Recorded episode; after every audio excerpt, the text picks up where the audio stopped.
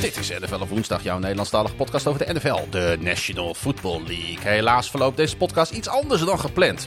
Het leven is soms hard en verdrietig en dat vraagt om improviseren vanuit Groningen. En hoe fijn is het dan dat Frank aan wil schuiven voor het bespreken van een opnieuw boeiende speelronde in de NFL.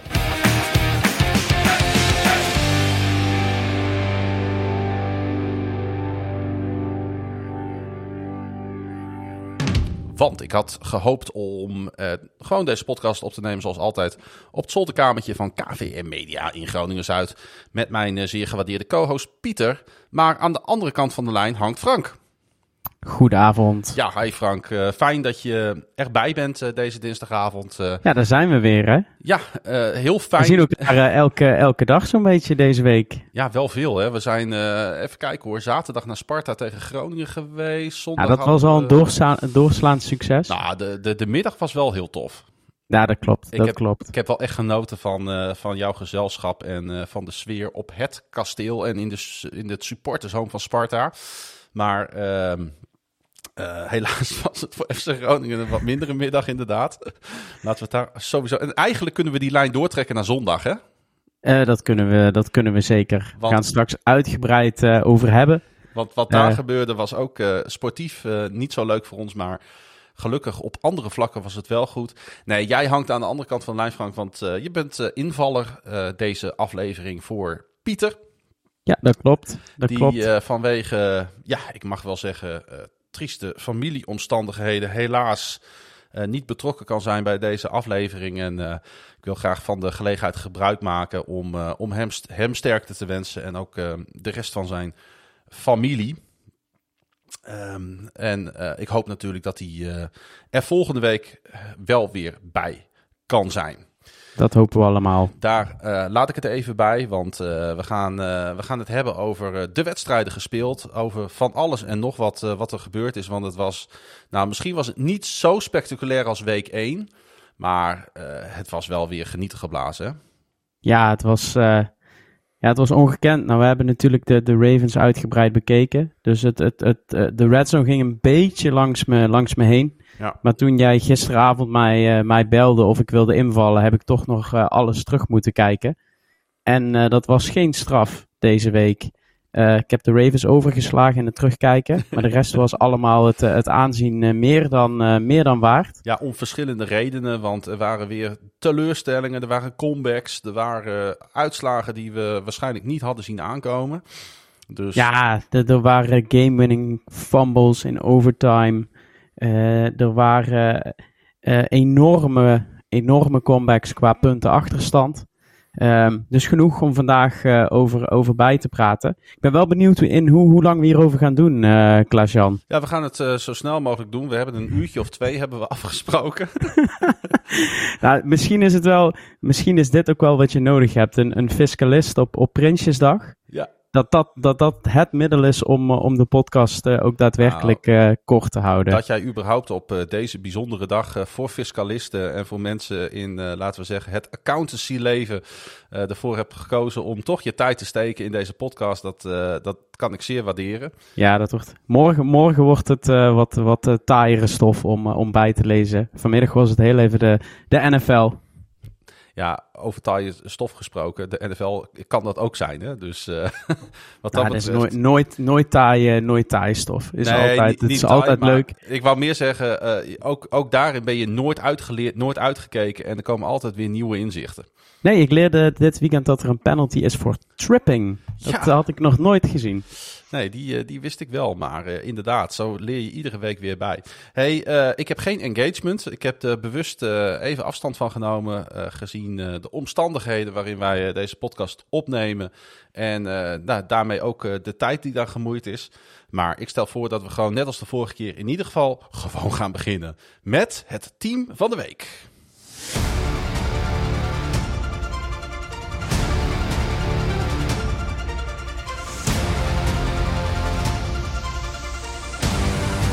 Ja, en dat is geworden de Jacksonville Jaguars. Want uh, how about the Jacksonville Jaguars defense? How about Trevor Lawrence? And how about Christian Kirk? How about the Jacksonville Jaguars? Ze trakteerden divisierival Indianapolis Colts op een 24-0 nederlaag. De achtste shutout in franchise history voor de Jacks. En Lawrence gooide twee touchdown passes naar Kirk. En Matt Ryan moest redden voor zijn leven. En het resulteerde in alweer de achtste opeenvolgende thuiszegen van Jacksonville op Indianapolis. Ja, Frank, de Jaguars wisten uh, Matt Ryan maar liefst vijf keer te bereiken voor een sack. Intercepten drie van zijn passes en hielden regerend NFL rushing champion Jonathan Taylor op 54 yards. De laatste drie shutouts van Jacksonville waren trouwens allemaal tegen de Colts. Die voor het laatst in 2014 wonnen in Duval County. Um, had je hem bijna kunnen zien aankomen deze? Ja, nou ja, ik heb toch uh, in een van mijn fantasy leagues Matt Ryan opgesteld. Dus ik kan, ik kan niet zeggen dat ik het helemaal zag aankomen. Ik moest wel overigens, want uh, Dak Prescott was kapot gegaan vorige week. En er waren niet veel andere opties. Maar uh, ja, zie hem aankomen. Je ziet hem ieder, ieder jaar even niet aankomen. Totdat die wedstrijd begint en je gaat kijken en denkt, oh ja, daar, komt hij weer. Het, het, het is een beetje... Ja, het is, het is een beetje vergelijkbaar met misschien wel Ajax Feyenoord. Dat iedere keer denkt Feyenoord, we gaan het een keer winnen en het, en het lukt eigenlijk nooit. En dat heb je hier bij de, bij de Colts ook.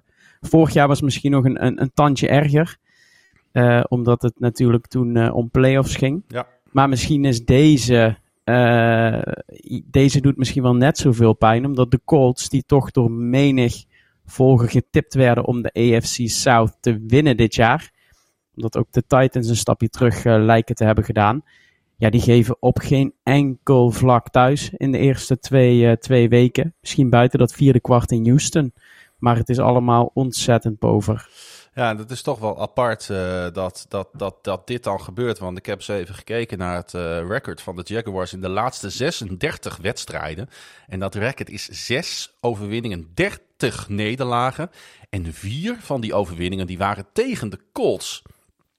Dus er is iets natuurlijk met deze wedstrijd waarbij de, de, de Jaguars getriggerd worden om, om het beste in zichzelf naar boven te halen. Maar de grote vraag is natuurlijk, is deze win ook de setup naar een beter seizoen van de Jaguars? Um, tegen wie speelden de Jaguars vorige week? Tegen Washington, hè? Washington, hè? Ja, ja. Waar ze eigenlijk ook hele delen van de wedstrijd best wel goed ja, gespeeld hebben. Daar hadden ze op het einde die wedstrijd gewoon kunnen, misschien wel, uh, wel moeten winnen. Ja. Waren ze toe en o geweest. Um, ik denk dat het, dat, ik, ik kijk er wel positief naar. Ik heb die wedstrijd natuurlijk een stuk teruggekeken. En wat ik eigenlijk van het team zag, uh, zag er gewoon goed uit. Ja, Zowel name, offense als, als defense. Nou, ik wou het net zeggen, met name eigenlijk die defense. Hè, want um, uh, safety Ray Sean Jenkins, rookie linebacker Devon Lloyd... en eerste ronde pick van de Jaguars met de 27e keuze overall...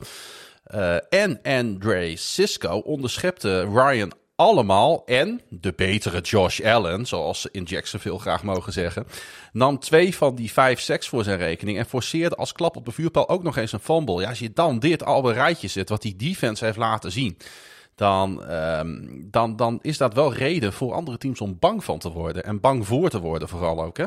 Zeker. En dan krijg je de eerste shutout van het seizoen, als ik het niet... Uh niet verkeerd heb. En ziet het, ziet het er eigenlijk, zie, lijkt er in ieder geval uh, lijkt de weg omhoog in, uh, in Jacksonville gewoon ingezet. Ja, en toch heb ik het idee dat uh, de shutout uh, helemaal niet nodig was geweest uh, voor de Colts. Kijk alleen al naar het vierde kwart. Matt Ryan en de offense kwamen twee keer in de red zone. Ze hadden een first and goal op de 4 en een first and 10 op de 11. Een penalty, een sack, vijf incompletions en natuurlijk de pressie van die Jaguars defense zorgde ervoor dat ze die endzone niet konden bereiken met bal. Reich is nu 0-5 in Jacksonville, wat echt een zorgwekkende statistiek is. En als je dan het debakel van vorige week, want laten we die, uh, dat gelijkspel tegen de Texans niet vergeten.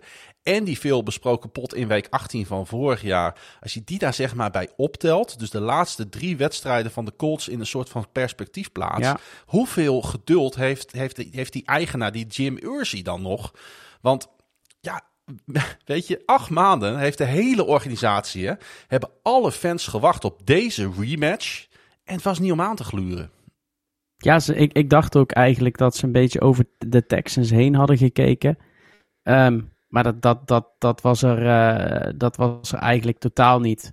Nou is het natuurlijk wel zo dat die, die red zone possessions, die waren met 24-0 achterstand. Dus die moest ook omgezet worden in touchdowns. Normaal maak je daar dan uh, short yard, yard field goals. Nu moesten ze ervoor gaan, ook op fourth, op fourth down. Maar blijft feit, uh, ze, ze, maken niks, uh, ze maken niks paraat op dit moment met die offense. Nee. Matt Ryan ziet er misschien nog wel slechter uit dan Carson Wentz. Vorig jaar, ik had niet gedacht dat ik dat zou gaan zeggen in, in week 2 al. Hm. En volgens mij komen de Chiefs op bezoek, als ik het niet vergis, Ja, eh, komende, komende eh, week. Kansas City inderdaad, Ehm, voor hun home opener. Ja, Lijkt me, het, het, het zou ook wel weer wat zijn als ze daar dan wel thuis geven. Ehm, maar ik, ik zie het niet, eh, niet gebeuren nu. En als het 0-3 wordt, ja, het, het, het is de divisie waar, waarin ze zitten, die het nog mogelijk maakt om 0-3 te gaan en toch nog eh, terug te komen en, en misschien wel die, die four seed na te chasen. Maar Mhm. ehm, komen zo ook op, op, op bijvoorbeeld de Titans even en op, eh, op Houston, die ook geen goede indruk eigenlijk allemaal maakten. nee. Dus ja, misschien is de conclusie na week 2 eigenlijk wel dat de Jacksonville Jaguars tot nu toe de beste indruk maken in de, in de AFC South. En wie had dat, eh, wie had dat gedacht? Ik denk dat je dat inderdaad wel zo kan stellen. Nou werd na de wedstrijd gezegd dat, ehm, dat ze belangrijke spelers misten. All-pro linebacker Shaquille Leonard, eh, receivers Michael Pittman, rookie Alec Pierce waren er niet. Hè? Dat die Alec Pierce tweede ronde Ja, de twee, eh, twee beste wide receivers. Ja, aan dat- de dat- andere kant, ja, als ik dan de Dallas Cowboys een wedstrijd zie winnen met eh, Cooper Rush in plaats van Dak Prescott van de Cincinnati Bengals, notabene, de verliezend Super Bowl kampioen, dan denk ik van ja, dan moet je volgens mij, dan moet je volgens mij heel snel je mond houden over drie spelers die je mist. En eh, dat is geen enkel excuus natuurlijk voor, Nee. voor een 0-24 Ja, ieder- ieder team- nederlaag in Jacksonville. Ieder team mist zo zijn, eh, zijn spelers. En dan is het next man up. Die linebacker heeft, die, die heeft zijn voornaam veranderd, toch? Welke linebacker? Ja, we- je noemde hem net, die er niet bij was.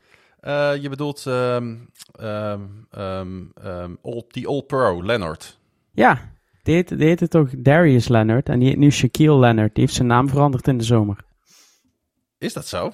Ja, Ja, ik weet inderdaad dat hij, eh, dat hij ook zo... Ja, nou het zegt. hij heeft zijn naam, eh, zijn naam veranderd. Dus ik moet, ik, iedere Ja, keer als ja, ik het ja. hoor, Nee, moet nee, ik... eh, Ja, nou, ja, ja, ja hij, heet, hij heet Darius Shaquille Leonard. ja, Dat is zeg maar... maar hij heeft, hij, een, zijn, hij heeft nu zijn, zijn zijn twee- roepnaam heeft hij, Juist, heeft hij gewijzigd. hij, wil, hij wil nu door het leven gaan als, als Shaquille. Ja. ja, ik heb geen idee waarom. Misschien moet hij dan eh, gaan basketballen vanaf nu. Ja, misschien moeten we dat eens een keer uitzoeken. Dat is voor een eh, andere aflevering. Maar Eh, ja, ook, ook wel even. Dit is natuurlijk voor de Jaguars ook gewoon een super mooi. Hè? Ik bedoel, die hebben sinds 2017, en dat weet iedere Ravens-fan, hebben zij geen fatsoenlijk seizoen meer gehad. Nee. Eh, Michael Feit heeft, het, heeft dat al twee jaar op rij fantastisch weten te duiden. En dat ze er nu gewoon eh, 1-1 na twee wedstrijden met, met, met gewoon goed spel, evenwichtige, evenwichtige wedstrijden, eh, zowel offense als defense staat. Eh goede nieuwe trainer die de, die de quarterback ook eh, aan de praat heeft gekregen. Dus ja, ik, ja, ik, ik kijk weer met wat meer plezier naar Jacksonville. Ik ook. ze reizen cross-country, zoals dat zo mooi heet, eh, naar Los Angeles om het op te nemen tegen de Chargers volgende week. Van de laatste 18 wedstrijden in de Pacific Time Zone gingen er 15 verloren door Jacksonville. Dus ik ben heel benieuwd of ze tegen nou ja, een team als de Chargers ook een eh, mooie pot kunnen neerzetten. Zie je daar geen kleine upset alert? Eh, ja, Ik, ik voel hem ergens wel, ik, Ik weet het niet. ik voel hem ook. Eh, Zeker als, als Herbert echt kapot is. Dat hij echt iets aan zijn ribben heeft en Ja. niet kan spelen. Dan moeten we ook nog even afwachten, inderdaad. ja. Nou goed. Hey, we gaan naar de volgende wedstrijd, Frank. En dat is Texans at Broncos 9-16. Want wie had dat verwacht? Boegeroep vanaf de tribunes voor Russell Wilson en de Denver Broncos. Die in hun eerste thuiswedstrijd, ondanks een enorme portie slordigheid, de Houston Texans met dus 16-9 versloegen. Een eerste overwinning voor rookie-coach Nathaniel Hackett. Maar hij nam de zorgen over zijn coachingstijl zeker niet weg met de zegen. Net als de afgelopen Monday Night Football in Seattle was de play call discutabel. De red zone plays matig en de penalties head scratching. Voor Houston ging een kans verloren nog minimaal één weekje ongeslagen te zijn in de NFL. ja. Het had, het had zomaar gekund. Heb, Ja. je, heb, je, heb je die fans gehoord die op een gegeven moment eh, de playklok eh, massaal mee aan het tellen waren, zodat eh, Russell Wilson, maar ook de coach, op de hoogte was van hoeveel tijd er nog op de klok stond? Krankzinnig. Ik heb het inderdaad gehoord. Eh, dan, ben je, da- da- dan ben je dus als publiek in een paar jaar tijd ongelooflijk cynisch geworden. Ja, terwijl het eigenlijk een, eh, een heel net publiek is Ja. in Denver. Eh, mensen komen altijd, gedragen zich eh, heel goed. Het is ook niet per se een NFL-stadion of, of team waar ik zelf heel graag naartoe zou willen, omdat het me een beetje, een beetje saai lijkt. Hm. Ehm, maar dat was het afgelopen zondag niet. Het publiek roerde zich ontzettend. En terecht, want ja, jullie hebben het, eh, en ik, ik zelf ook heb het vaak genoeg geroepen. Nu, eh, nu Russell Wilson er is, verwacht je ook dat de Broncos die leap gaan maken. Je krijgt de Texans op bezoek eh, voor je home opener. Volgens velen een van de, de slechtste teams in de NFL. Ja. En als je dan met, met, met drie field goals en een, en een moeizame touchdown drive uiteindelijk met 9-16 thuis van de Texans wint. En ja, fout op fout stapelt in zowel je play call als je tactiek als je game management. Ja, dan, eh, dan gaan. Ja, ik vroeg, ik vroeg mij af: gaan die Texans nou meer tevreden naar huis dan de Broncos dan nog? Of zijn het dan toch nog net de Broncos die iets blijer naar huis gaan? Ja, ik denk dat, eh, dat voor de Texans het gewoon echt een nederlaag met perspectief is. Heet zoals dat eh, zo mooi heet. Nog zometeen even over de Texans. Eerst nog heel even over de Broncos. Die eh 13 keer maar liefst een vlag tegenkregen voor in totaal 100 yards. Goh. En daarmee komt hun totale aantal penalties op 25 dit jaar. Een Ja. negatief record in back-to-back games. Ja, daar klopt, daar klopt nog niet heel veel van. Nee. Nee. Ik en- word, ook, ik word ook wel heel. Ik zie die filmpjes dan door de week van Russell Wilson op TikTok. En we hebben een aantal Seahawks-fans in, in, in wat eh, appgroepjes zitten. En die, die, die krijgen die natuurlijk allemaal om de oren geslingerd van iedereen die in die appgroep zit. Maar ik zou er als fan ook ontzettend naar van worden. Als je ziet wat die, wat, dat, dat hij op dat veld nog helemaal niks klaarspeelt. Maar wel de hele tijd met van die domme uitingen op social media komt. Waar iedereen ja, natuurlijk weer met z'n allen overheen valt. Ik, oh, Hm. ik, ik heb met ze te doen eh, tot nu toe, de, de Broncos fans. Ja, zeker. Als je het begin van die wedstrijd zag, ik, eh, ik heb hem, eh, nou, met, met, met, met moeite heb ik hem eh, teruggekeken, want het deed pijn aan de ogen. Wilson complete slechts zes van zijn eerste twintig worpen. Maar goed, hij ging wel 4 uit 4 op die Broncos go-ahead scoring drive. Waarbij hij een, als ik me niet vergis, 35 yarder gooide op een wide open Cortland Sutton. Dat moet wel gezegd worden. Ehm, terwijl de Houston Texans eigenlijk de rest van de wedstrijd, best wel lekker aan het verdedigen waren. Maar uiteindelijk heeft natuurlijk die Broncos defense deze wedstrijd voor ze gewonnen. Als je de Houston Texans op drie field goals eh, houdt, Ja. dan hoef je Ja. er zelf natuurlijk ook maar 16 te scoren. Ja, dat klopt. En daar zie je toch, wat mij betreft, net. Kijk, wat jullie, we zijn over het algemeen positief over Davis Mills. Hij is misschien de quarterback, de, de, de bridge quarterback die deze Texans nodig hebben. Maar je ziet, op het moment dat je die touchdown in het vierde kwart echt nodig hebt. En dat was vorige week ook, waar Lovie Smith eigenlijk hem terughou- terughoudend gebruikt in zijn playcalling. Zie je dat die, die laatste bal ook, voordat eh, Randy Gregory hem, Mhm. hem sackt aan het einde van, van de wedstrijd. Die is dan weer net niet agressief genoeg gegooid. Eh, waardoor, je die, waardoor je uiteindelijk jezelf niet de kans geeft om een touchdown te maken, om gelijk te maken. En ik denk dat dat, dat, dat de Texans zijn. Als een team matig is, dan, dan kunnen ze heel lang bijblijven. Ze, ze trekken zich daar dan nog net aan op. Ehm, maar je ziet dat Davis Mills dan niet de quarterback is die in het vierde kwart en, de two, en na de two-minute warning nog even langs de Broncos eh, brengt. Ja, wel. Ja, en dat, dan, is het, eh, dan is het gewoon een. Uiteindelijk denk ik ook dat de Broncos deze terecht winnen. ja, vind je dat? Ehm, ja, nou, ze zijn. uiteindelijk geeft, die, geeft dat kleine beetje kwaliteit. Wat zo'n Wilson over zo'n Davis Mills heeft. En de defense van de Broncos net heeft. Wat de defense van de Texans dan niet heeft. Geeft net de doorslag. En, en dan, dan win je zo'n wedstrijd. Je had hem kunnen verliezen. Was het een enorme upset geweest. Ehm, maar ja, ik hoop, ik hoop voor de Broncos dat ze gewaarschuwd zijn. Want dit moet, eh, dit moet niet nog, eh, nog langer zo, eh, zo Ja. duren. Ik vond het eigenlijk geen terechte overwinning. en ik was er echt helemaal klaar mee. Net zoals het publiek toen de Broncos liefst twee delay of game penalties tegenkregen bij field goal attempts. En ze gebruikten hun laatste time-out in de tweede helft met nog bijna acht minuten op de klok. Ze moesten een time-out callen omdat rookie Montreal Washington niet op het veld stond met de rest van het punt return team. Ja, en, tel, en, tel, en, en, haal dan even in herinnering nog die, die 64-yard field goal attempt in Seattle erbij, die uiteraard niet werkte, weet je. En dan is het op dit moment, uh, het is eigenlijk maar één woord uh, van toepassing op deze Denver Broncos. En dat is chaos. Ja, chaos troef. Ja. De, nee, maar dat is het, dat is het. En dan geeft net de kwaliteit in dat team nu nog de doorslag. Ja. Je ziet het, je ziet het ook vaak bij, bij teams die kwalitatief heel, heel goed zijn dat ze uiteindelijk net die 1, 2 plays maken om, om toch zo'n wedstrijd over de, over de streep te trekken. En de Broncos hebben iedere win nodig. Want uh, de Chiefs gaan als een speer.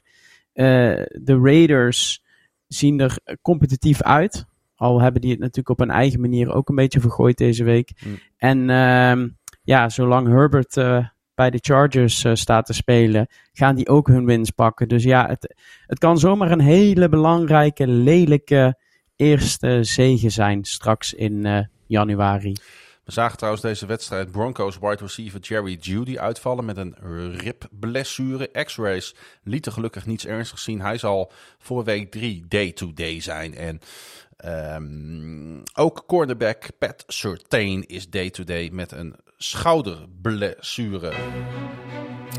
Zelden had een team zoveel zelfvertrouwen in week 2 als de Buffalo Bills. Toen ik in de rust naar bed ging, had ik de hoop dat het nog een wedstrijd zou kunnen worden. Maar de Bills, die maakten een statement. Ze wonnen met 41-7 van de number one seed in de AFC van vorig jaar. Nadat vorige week al de Super Bowl kampioen te kakken werd gezet in eigen huis. Het is midden september en de Buffalo Bills zijn nu al de beste versie van zichzelf. Het enige wat je je kan afvragen is of ze niet te vroeg pieken. Want met de Bills zoals ze nu spelen, zijn ze voor mij de absolute favoriet om dit seizoen de Super Bowl te winnen. Ja, ik, ik ga switchen, Frank. Jij gaat uh, de AFC title game Chargers veranderen in de Buffalo Bills, gok ja, ik. kan niet anders. Ik heb, uh, ik heb ernaar zitten kijken vannacht tot de rust, want toen ging bij mij het lichtje uit. Ja, dit, dit is niet normaal wat dit team nu al laat zien. Nee, dat klopt. Dit is, uh, er is geen team ook wat in de buurt komt. Ook niet in de NFC. Uh, die, Nou, ik, eh, de, de, ik heb de Chiefs zien spelen donderdag. Dat was ook wel weer heel ja, goed hoor. Hoog, maar hoog niveau, klopt. Het, uh, dat deze Bills de playoffs gaan halen, dat lijkt me mits, mits Josh Allen heel blijft een formaliteit. Het was waanzinnig. Um, ja, je kan ze de, de, de Titans hebben de Bills op drie punts gehouden. Ja. En dat was het meeste waar, waar de Bills op gehouden waren, volgens mij in vijf wedstrijden. ja. En dat zegt genoeg. Dat, zijn van um, dat, dat wat is heel veelzeggend, hè? De, de Bills zijn compleet. Ik weet nog dat ik ze voor vorig seizoen heb moeten voorbeschouwen in deze podcast. Dat ik ze toen al ontzettend compleet vond. Ze hadden eigenlijk ook verdiend om de, de, de Super Bowl uh, te halen vorig jaar, als je het mij, mij vraagt. Ja. En nu beginnen ze het seizoen tegen de number one seed in de AFC van vorig jaar en de Super Bowl winnaar van vorig jaar. En dan sta je na twee wedstrijden op 2-0 met 72 punten voor en 17 punten tegen. Heb je ze helemaal gesloopt, allebei. En um, heeft het je eigenlijk geen, geen greintje moeite gekost. Sta je 2-0. Het enige waar ik me nog een beetje zorgen over maak, is dat ik zelf ook zat te denken: is er ooit een team geweest dat zo aan een seizoen begon?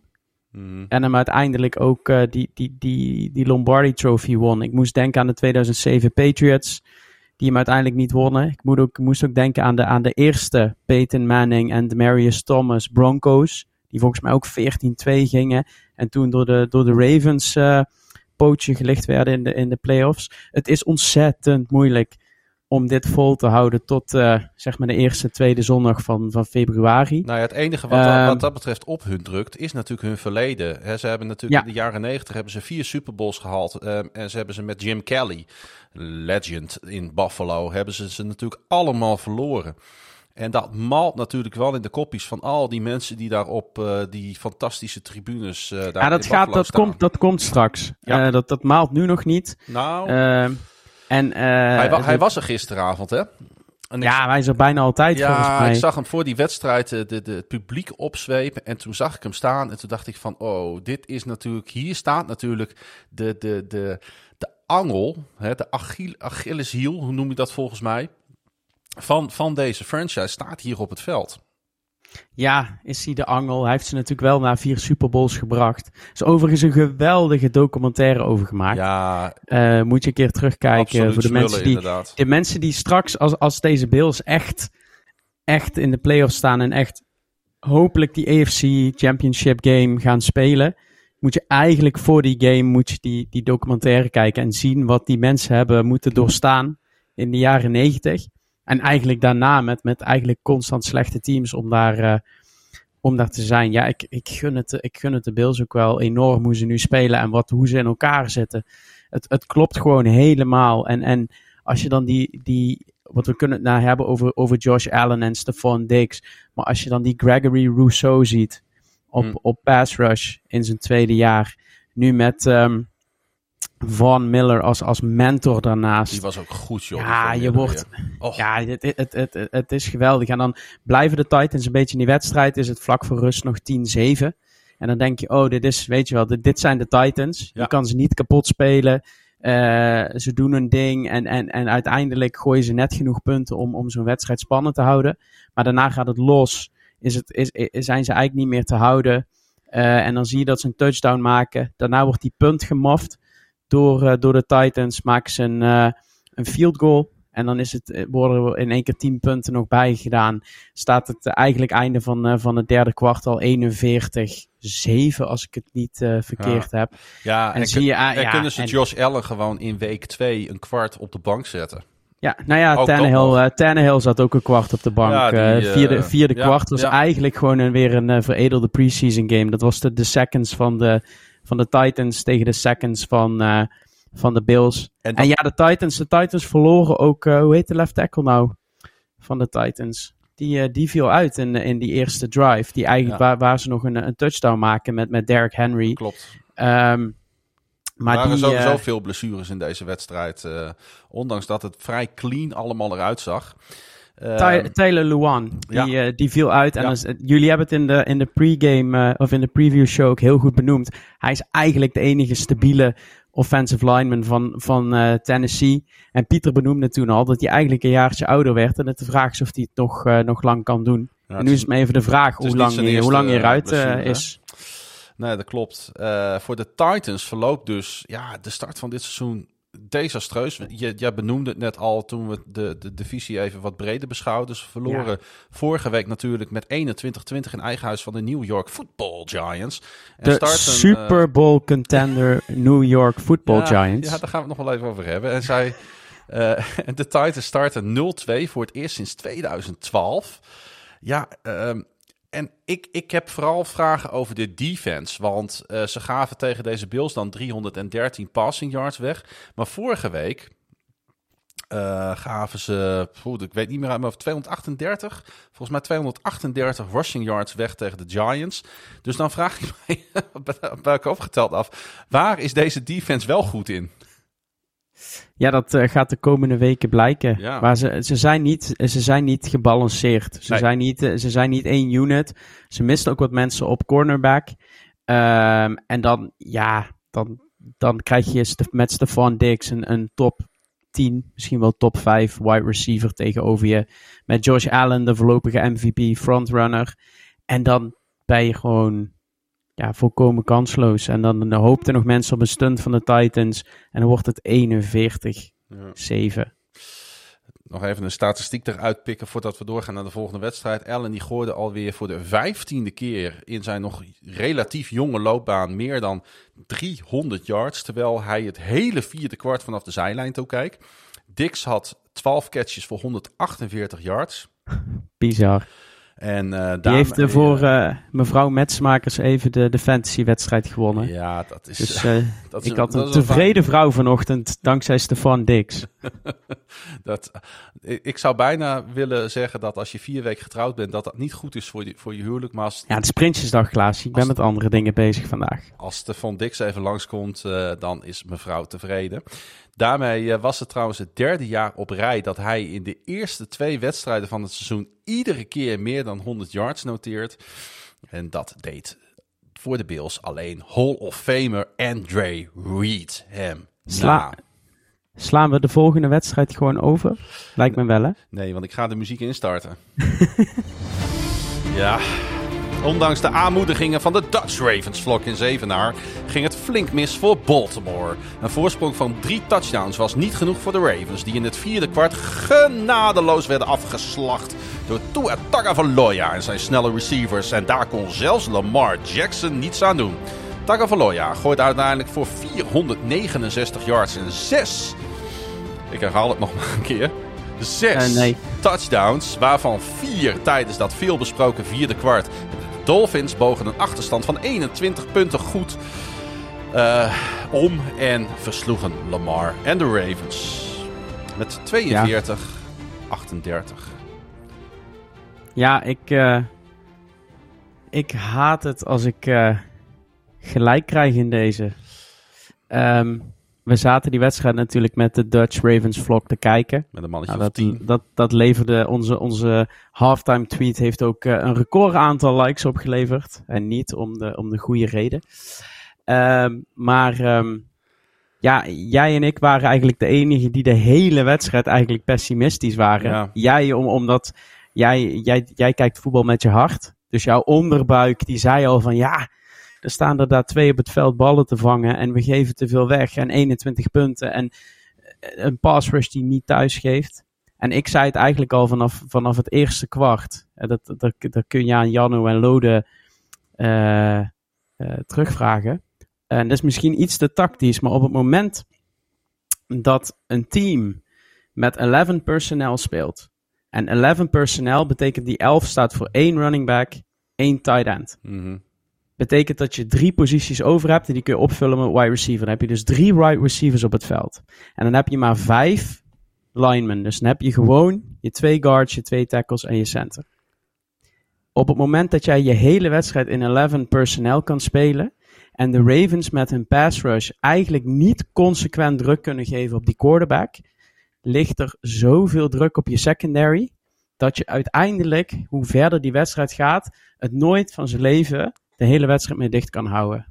En ik riep dat in het eerste kwart en in het tweede kwart en in het derde kwart. En in het vierde kwart gebeurde het. Dan storten ze volledig door de ondergrens. En dan roepen mensen, de secondary is niet goed. Maar het begint met die, met die front seven in Baltimore. Die gewoon door eh, te weinig spelers op het roster die daar spelen. Want we zijn understaffed op, op edge, op Mhm. outside linebacker, op inside linebacker. Gewoon te weinig mensen op het roster gezet. Waardoor die spelers te veel snaps moeten maken. En dan gaat het mis. En dan zie je dat rookie Hamilton eigenlijk helemaal de weg kwijt is. Dat Armor Davis op een gegeven moment 1 tegen 1 staat met eh, de Cheetah. Met Hill. Ja, en dan is het, eh, dan is het pick and pass voor, eh, voor Tua. En word je gewoon genadeloos afgestraft. En gebeurt er dus eigenlijk precies hetzelfde met de Ravens als wat er vorig jaar gebeurde thuis tegen de Bengals. Dat was volgens mij week 4 of week 5. Ook toen genadeloos afgestraft. En je ziet dus, en dat is echt op het konto van, eh, van Harbaugh, ehm, dat roster zit gewoon op dit moment niet goed in elkaar. En eh, daar moet nu flink aan gesleuteld worden. Want je krijgt de Bengals nog twee keer. Je moet nog de Buffalo over twee weken. En dan ga je precies hetzelfde krijgen. Is het niet zo dat naast wat jij benoemt, dat nog een ander groot probleem is dat de Ravens op dit moment geen run game hebben? Want als je een voorsprong hebt zoals de Ravens dat hadden van eh 35-14 in het vierde kwart met nog 13 minuten gaan. Als je dan een goede run game hebt om de klok op te eten, dan kan je tegenstander eigenlijk Ja. nooit meer terugkomen. Dus Nee, het, dat is, klopt. het is volgens mij tweeënlei. Het is ene kant wat jij zegt over de, het, het, het eh, niet uitgebalanceerde defensive roster en daarbij ook de defensive play calling. Want dat wil ik er toch wel bij benoemen. Want eh, ik vind dat eh, onze defensive coordinator niet goed geadjust heeft. Dus niet goed de game gelezen heeft. En niet de aanpassing heeft gedaan die hij Ja, maar hij heeft niet de doen. spelers. Nee, oké, hij heeft niet de spelers. Maar goed, eh, verzin wat, zou ik bijna willen zeggen. Ja, ik weet wel dat het makkelijker is eh, gedaan dan bin- in een wedstrijd als jij eh, drie tribunes hoger zit dan jouw team. Dat ik snap wel dat dat allemaal niet zo simpel is. Maar dat is aan de ene kant aan de andere. En aan de andere kant is er aan de hand dat je op geen enkele manier dus die klok kunt opeten. Ja, en, en dat is een soort van giftige cocktail waar natuurlijk de, de Dolphins eh, gebruik van hebben gemaakt. Ja. Want En dan, die moeten we wel even, die moeten, credit where credit's due. Eh, wat, wat de Dolphins eigenlijk de hele wedstrijd lieten zien was, was, was, eh, was gewoon echt een, een high explosive offense. Waarbij Tua gewoon echt een hele, hele goede wedstrijd speelde. En waar Jalen Waddle samen met Tyreek Hill, maar ook Mike Gesicki eigenlijk gewoon geen match waren voor, eh, voor Baltimore. Nee, het was eh, de eerste 400-yard passing game van Tua. En zijn zes touchdowns betekenden een evenaring van het teamrecord dat hij nu deelt met Bob Grease, de tweevoudige Hall of Fame Super Bowl kampioen van de Dolphins. En niemand minder dan Dan Marino. En ik denk dat dat precies de namen zijn waar tussen de Dolphins-fans deze Tua graag willen zien staan. Hè? Ja, het is een, het is een geweldige, geweldige quarterback. Ik heb net als Pieter ook echt een zwak voor linkshandige quarterbacks.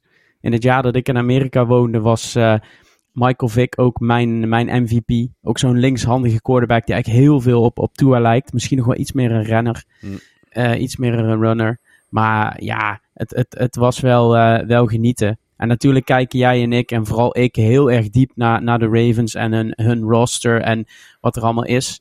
Ehm, maar de Ravens hadden die, die wedstrijd enerzijds met, met Lamar gewoon sterk in handen. Want dat is dus ook grappig. Eigenlijk was Tua niet de beste quarterback op dat veld. Nee. En dat klinkt natuurlijk heel raar met iemand die zes touchdowns gooit. Maar ehm, wat Lamar Jackson liet zien, was eigenlijk, eh, eigenlijk perfect. Hij speelde gewoon een fantastische wedstrijd. Werd niet geste- gesteund door zijn run game. Eh, moest zelf ook weer de langste eh, run van de, van de wedstrijd rennen. Eh, maar ja, hij scoorde zelf een, een rushing touchdown en, en gooide voor, eh, voor twee lange touchdowns. Ja, aan, aan, hem, eh, aan hem ligt het niet. En tot nu toe is hij zijn, zijn contract year ontzettend sterk begonnen. Ja, Lamar heeft nu 11 wedstrijden van meer dan 100 yards over de grond op zijn naam staan. Dat is een record. Want hij heeft er nu één meer dan de 10 100 yard games over de grond van. Daar is hij, Michael Vick. Ook werd Lamar de eerste quarterback in NFL history met een touchdown pass en een touchdown run van tenminste 75 yards in dezelfde wedstrijd. En eh, ja, wat jij zegt, het ligt eigenlijk niet aan hem. Het was de wedstrijd van de big plays. Ik denk als je een objectieve kijker bent, je hebt niet heel veel met één van beide teams dat je gesmuld hebt van deze wedstrijd. Ja, dan word je gek. Devin Duvernay, die returnde de opening kickoff voor 103 yards en een touchdown. En tot 13 seconden voor tijd stonden de Ravens niet achter. Laat dat nog maar even inzinken bij de luisteraar. De Ravens Ja. hadden trouwens een touchdown kunnen scoren op hun eerste vier balbezitten. Maar er werd gefumbled op de Miami goal line. Dus dan had de wedstrijd natuurlijk ook anders kunnen lopen. Eh, en uiteindelijk, ja, omdat natuurlijk die big plays van de Ravens met name in, het eerste, in de eerste helft plaatsvonden, ligt verser in het geheugen natuurlijk de big plays van de Miami Dolphins in de, in de tweede helft. Hè? En wat een boost moet dit zijn voor de Miami Dolphins en hun seizoen, eh, Ja. Frank. Ja, geweldig. Kijk, ik eh, heb jullie preseason eh, show gehoord. Ik heb ook de, de, de hoon van, van Annie en van, van Paul gevoeld. die daardoor loskwam. En ik was het eigenlijk ook wel een klein beetje met ze eens. Want ik, ik heb ze in, in de AFC preview show heb ik deze wedstrijd ook aan de Dolphins gegeven. Omdat ik gewoon vind dat zij er gewoon nu staan. En, en dit team moet in mijn ogen gewoon de playoffs gaan halen. En mag dan met de, met de Bills uitvechten om de, eh, om de divisiezege, denk ik. Maar ja, als zij de 5 seed halen, dan wil ik niet die, eh, die AFC South eh 4 seed zijn die daar, eh, die daar tegen moet gaan spelen in de playoffs. Ze moeten nog wel één ding verbeteren, denk ik, in Miami. Dat is hun run game, want die was ook niet goed genoeg, vond ik. Wil je eh, eh, zeg maar een duurzame aanval neerzetten over een heel seizoen, denk ik dat daar een, een, eh, nog een leap gemaakt moet worden. En over Ja. de run game gesproken. In Baltimore zal met smart uitgekeken worden naar de terugkeer van J.K. Dobbins. Sinds hij vorig jaar uitviel met een knieblessure is de productie van de run game drastisch gedaald. Over het hele seizoen eindigden de Ravens derde in de NFL met Ja. 145,8 rushing yards per wedstrijd. Maar dat is eigenlijk enkel en alleen op te hangen aan Lamar Jackson, die de Ravens aanvoerde met bijna 800 yards rushing. En Ja, pas dus het is allemaal Lamar. Het is allemaal Lamar. En dat is Ja, maar ook, kijk ook even naar dat rijtje running backs. Eh, Freeman, Murray, Kenyon Drake, Mike Davis, Justice Hill.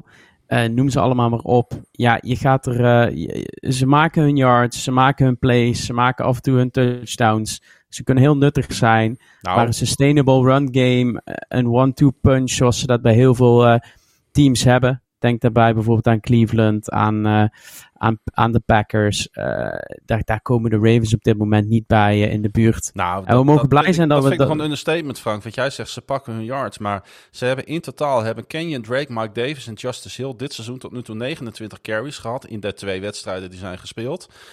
En 10 keer van die 29 carries renden ze de bal voor no gain of negatieve yards. En zes Ja. keer voor één fucking yard. Ja, dit, eh, ja, we zaten er ook naar te kijken. Ik word er een beetje boos van, dat merk je. Eh, ja, nou ja, eh, laten we dan positief eindigen. Justin Tucker maakt gewoon even een 51-yard field goal in het vierde kwart. En dat is zijn 59ste opeenvolgende field goal in het vierde kwart of overtime. Ehm, dus dat is, dat is mooi. En de Ravens waren het eerste NFL-team met een passing touchdown, een rushing touchdown en een return touchdown van 75 yards of, Of meer, meer. in dezelfde game. Ja. Hadden maar één penalty voor 5 yards. Hebben geen turnovers gehad. Didn't allow. Dus er werden geen sacks gemaakt. Er was geen quarterback hit. Maar ze hebben verloren. Ze hebben verloren. Vraag niet hoe. En Goed. eh, even, even felicitaties aan de Dutch Dolphins fan, eh, fanclub. Uiteraard. En het is eh, de fans van, eh, van Miami natuurlijk van harte gegund dat er eindelijk weer echt gejuicht kan worden. En niet enkel en alleen een keer gejuicht, maar vooral gejuicht met perspectief. Zo, nu naar de leuke wedstrijden. Ja, want wie gaf een cent voor de New York Jets, Jets, Jets, Jets? De klok tikte niet in hun voordeel. De fans in Cleveland gingen helemaal los. En toch was daar Joe Elite Flacco. Hij vuurde een 15-yard touchdown pass af op rookie Garrett Wilson met nog 22 seconden te gaan. En de Jets wonnen met 31-30 om het publiek in Cleveland Stadium verbijsterd achter te laten.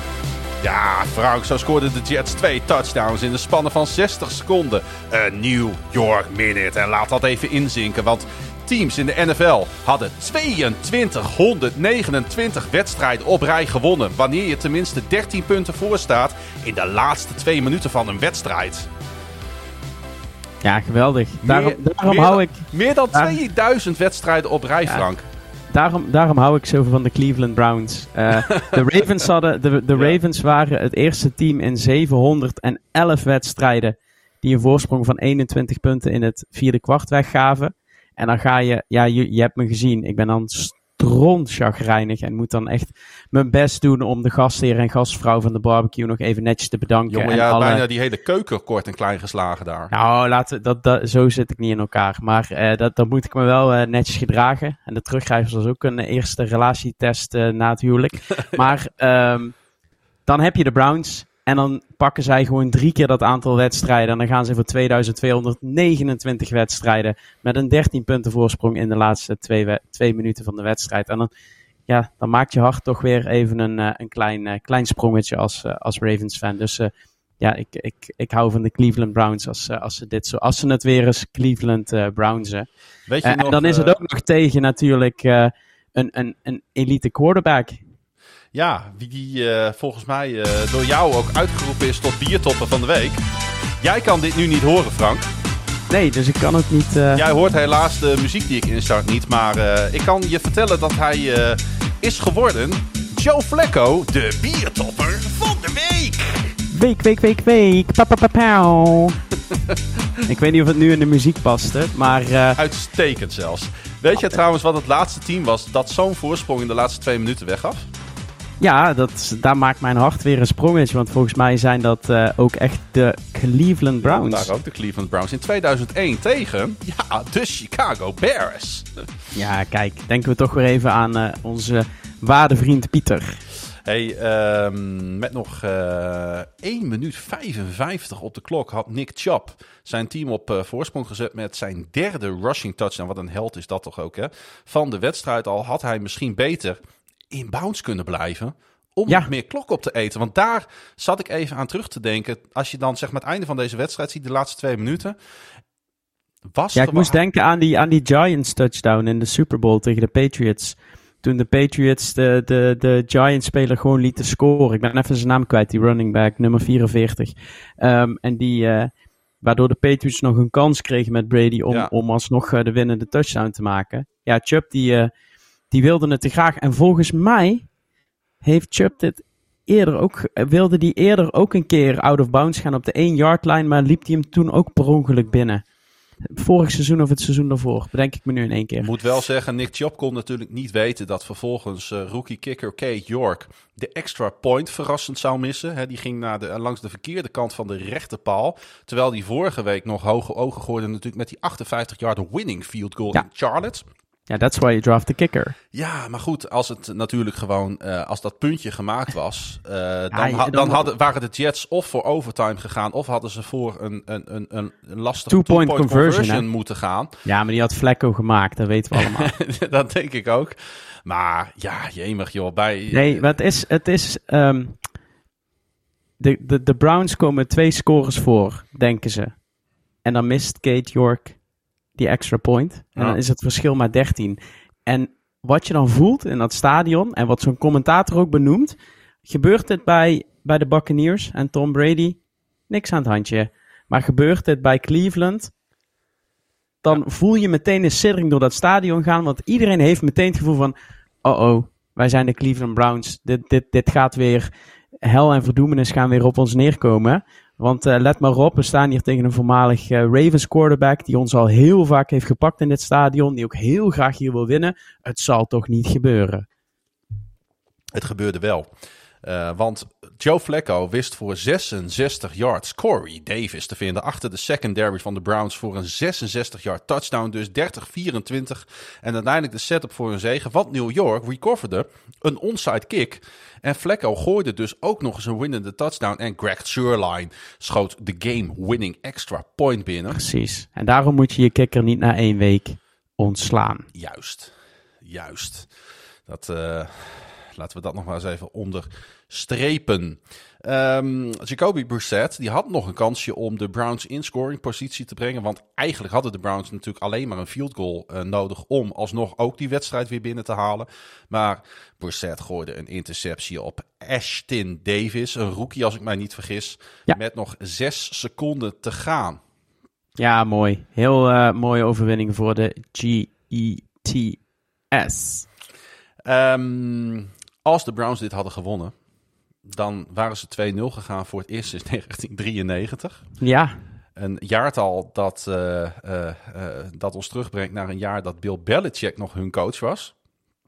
Ja, ook daar is een fantastische documentaire over. Ja. Over het laatste jaar van de Cleveland Browns. Maar misschien zijn er luisteraars die dat niet weten. Maar de Baltimore Ravens zijn dus de originele Cleveland Browns. Mm. Is altijd een leuk feitje om even, even te noemen. Misschien hadden we daarom wel zoveel pech uh, zondagavond. Uh, ja, dat, ook dat lag gewoon aan de Browns. Ja, dat, uh, die geven we gewoon de schuld. Eh, de Jets doorbraken trouwens hun losing streak van 13 wedstrijden in september. Dat mag ook wel even gezegd worden. Het is lang geleden dat Jets-fans dus een overwinning in het begin van het seizoen hebben gezien. En een laatste feitje wat ik er even uit wil halen. Want uh, ik, dat is toch wel een geweldige speler. In de rust was er aandacht voor Joe Thomas. Die bij de Browns een elite status kreeg voordat hij 10.363 op één volgende snaps speelde. En in 10 seizoenen 10 keer de Pro Bowl bereikte. Hij is nu officieel een Browns legend. En Thomas ging na het seizoen 2017 met pensioen en is dus volgend jaar eligible voor de Pro Football Hall of Fame. En ik weet niet hoe het met jou zit, maar ik denk dat je met dit soort cijfers die Pro Football Hall of Fame ook wel in gaat komen. Hè? Uh, ja, dit wordt first ballot en, uh, en terecht. En ook daar hij, die, die man heeft zoveel ellende meegemaakt bij die, bij die franchise. Want hij speelde natuurlijk in tien ontzettend slechte jaren. Maar hij speelde alles. Hij was er voor het team. Hij was er voor de stad. En hij is voor mij ook echt by far mijn, mijn favoriete Browns-speler of all time. Ja, ja, helemaal mee eens. Na een kleurloze vertoning tegen divisiegenoot Dolphins bounceden de Patriots terug met een knappe zege in Pittsburgh op de Steelers. Het past wel bij een organisatie die nooit in paniek raakt en op welke manier dan ook gewoon de volgende wedstrijd weer wil winnen. Het werd een klinische 17-14 overwinning en het zorgde ervoor dat de Patriots nu 20 jaar op rij niet 0-2 starten. Ja, en um, zal ik de wedstrijden samenvatten, Frank? Sorry? Zal ik de wedstrijden samenvatten? Nou, doen eens een poging. Een big throw van uh, quarterback Mac Jones op Nelson Aguilar vlak voor rust. Een maf punt die op de een of andere manier in de handen van Brandon Schooler belandde. En de setup was van een touchdown run door Damian Harris. Een leaping pass deflection door linebacker Matthew Juden in het vierde kwart. En een dominante O-line die in het vierde kwart samen met Jones de klok opvrat. Volgens mij is dat de samenvatting van Patriots en Steelers. Ja, en de, en de Steelers die gewoon zonder uh, eh, TJ Watt nog steeds een goede defense zijn. Maar niet een defense die uh, de Patriots kan, uh, kan stoppen. En, en dus ook niet een, een defense die, als ze zo spelen, hoge ogen gaat gooien in, nee, in het seizoen. Helaas niet voor ze. en het betekende voor, ik denk dat dat de belangrijkste teken uit deze wedstrijd is, de, de, de bounceback van Mac Jones. Want dat zag er niet goed uit hè, in week 1. Maar nee, nee, nee. hij was uh, afgelopen zondag gewoon goed voor 253 yards. Inclusief dus die 44 yarden op een zich uitstrekkende Aguilar. Ja, was een geweldige catch. Als je die niet gezien hebt, moet je die even terugkijken. Want, oh man. Ja, dat, dat uh, iedereen... Uh, Aguilar was toen... die, die stond in, in, in Pittsburgh, in um, Philly bekend als de, de speler die altijd al die ballen, die al, altijd al die ballen liet vallen. Ja. Nou, deze had die klem vast. En, en hoe geweldig. En hoe belangrijk was dus die 10-3 voorsprong waarmee ze de kleedkamer opzochten. Wat dat betreft, alles bij elkaar, denk ik, echt zo'n typische Patriots-zegen. Waarbij de defense ook een duit in het zakje deed. Zij forceerden een tweetal hele sterke three-and-outs in het vierde kwart. Nadat de Steelers tot op drie punten waren genaderd. En de special teams reageerden natuurlijk sterk op die fout van Steelers. Punt returner Gunner Osewski. Hij droeg bij aan de feestvreugde van Robert Kraft's 500ste wedstrijd. Zullen we meneer Kraft hierbij even feliciteren? nou, dan mag, dus- jij de, mag jij dat even doen bij deze. Nee, dat gaan we dus niet doen. ja, ik ben er ook, ik ben er ook Robert, van. We gaan hier niet Robert Kraft een beetje eh, feliciteren natuurlijk. Nee, maar dit, ik, als je, er waren natuurlijk een hoop wedstrijden die, die alle kanten op gingen. Maar deze, daar had je de uitslag nog wel goed kunnen, kunnen voorspellen. Ja. Uh, Patriots Steelers 17-14, 14-17. Uh, een touchdown uh, van, van Aguilar. één touchdown van, van Mitch Trubisky. ja, het, dit, zijn de, dit is precies wie die, hoe die, wie die twee teams zijn. En ik, ik heb ook helemaal... Het is dat de Ravens in week 3 tegen de Patriots spelen. Maar ik heb ook eigenlijk helemaal geen zin om naar deze twee teams te, te kijken op dit moment. Nou, niet zo chagrijnig, Frank, hè? Nou, niet chagrijnig, maar het, het, het ja... Het, het... Nee, het spat er niet vanaf inderdaad. Nee. En um, kijk, als, ik, ik, snap wel, op een gegeven moment begon het publiek uh, toch wel vrij massaal te roepen om backup quarterback Kenny Pickett. Um, is, is het dan ook nu al het moment gekomen dat de Steelers elkaar diep in de ogen moeten aankijken en moeten zeggen van nou laten we dan in vredesnaam, want wat hebben we te verliezen, hem maar eens nee. een keer op het veld zetten? Nee, tuurlijk niet. Uh, want ze spelen donderdag alweer. Uh, en je gaat geen uh, rookie quarterback starten op een, uh, op een short week. dat doe je hoogstens na een bye week. Als je echt een, een, een twee weken hebt om hem, om hem klaar te stomen.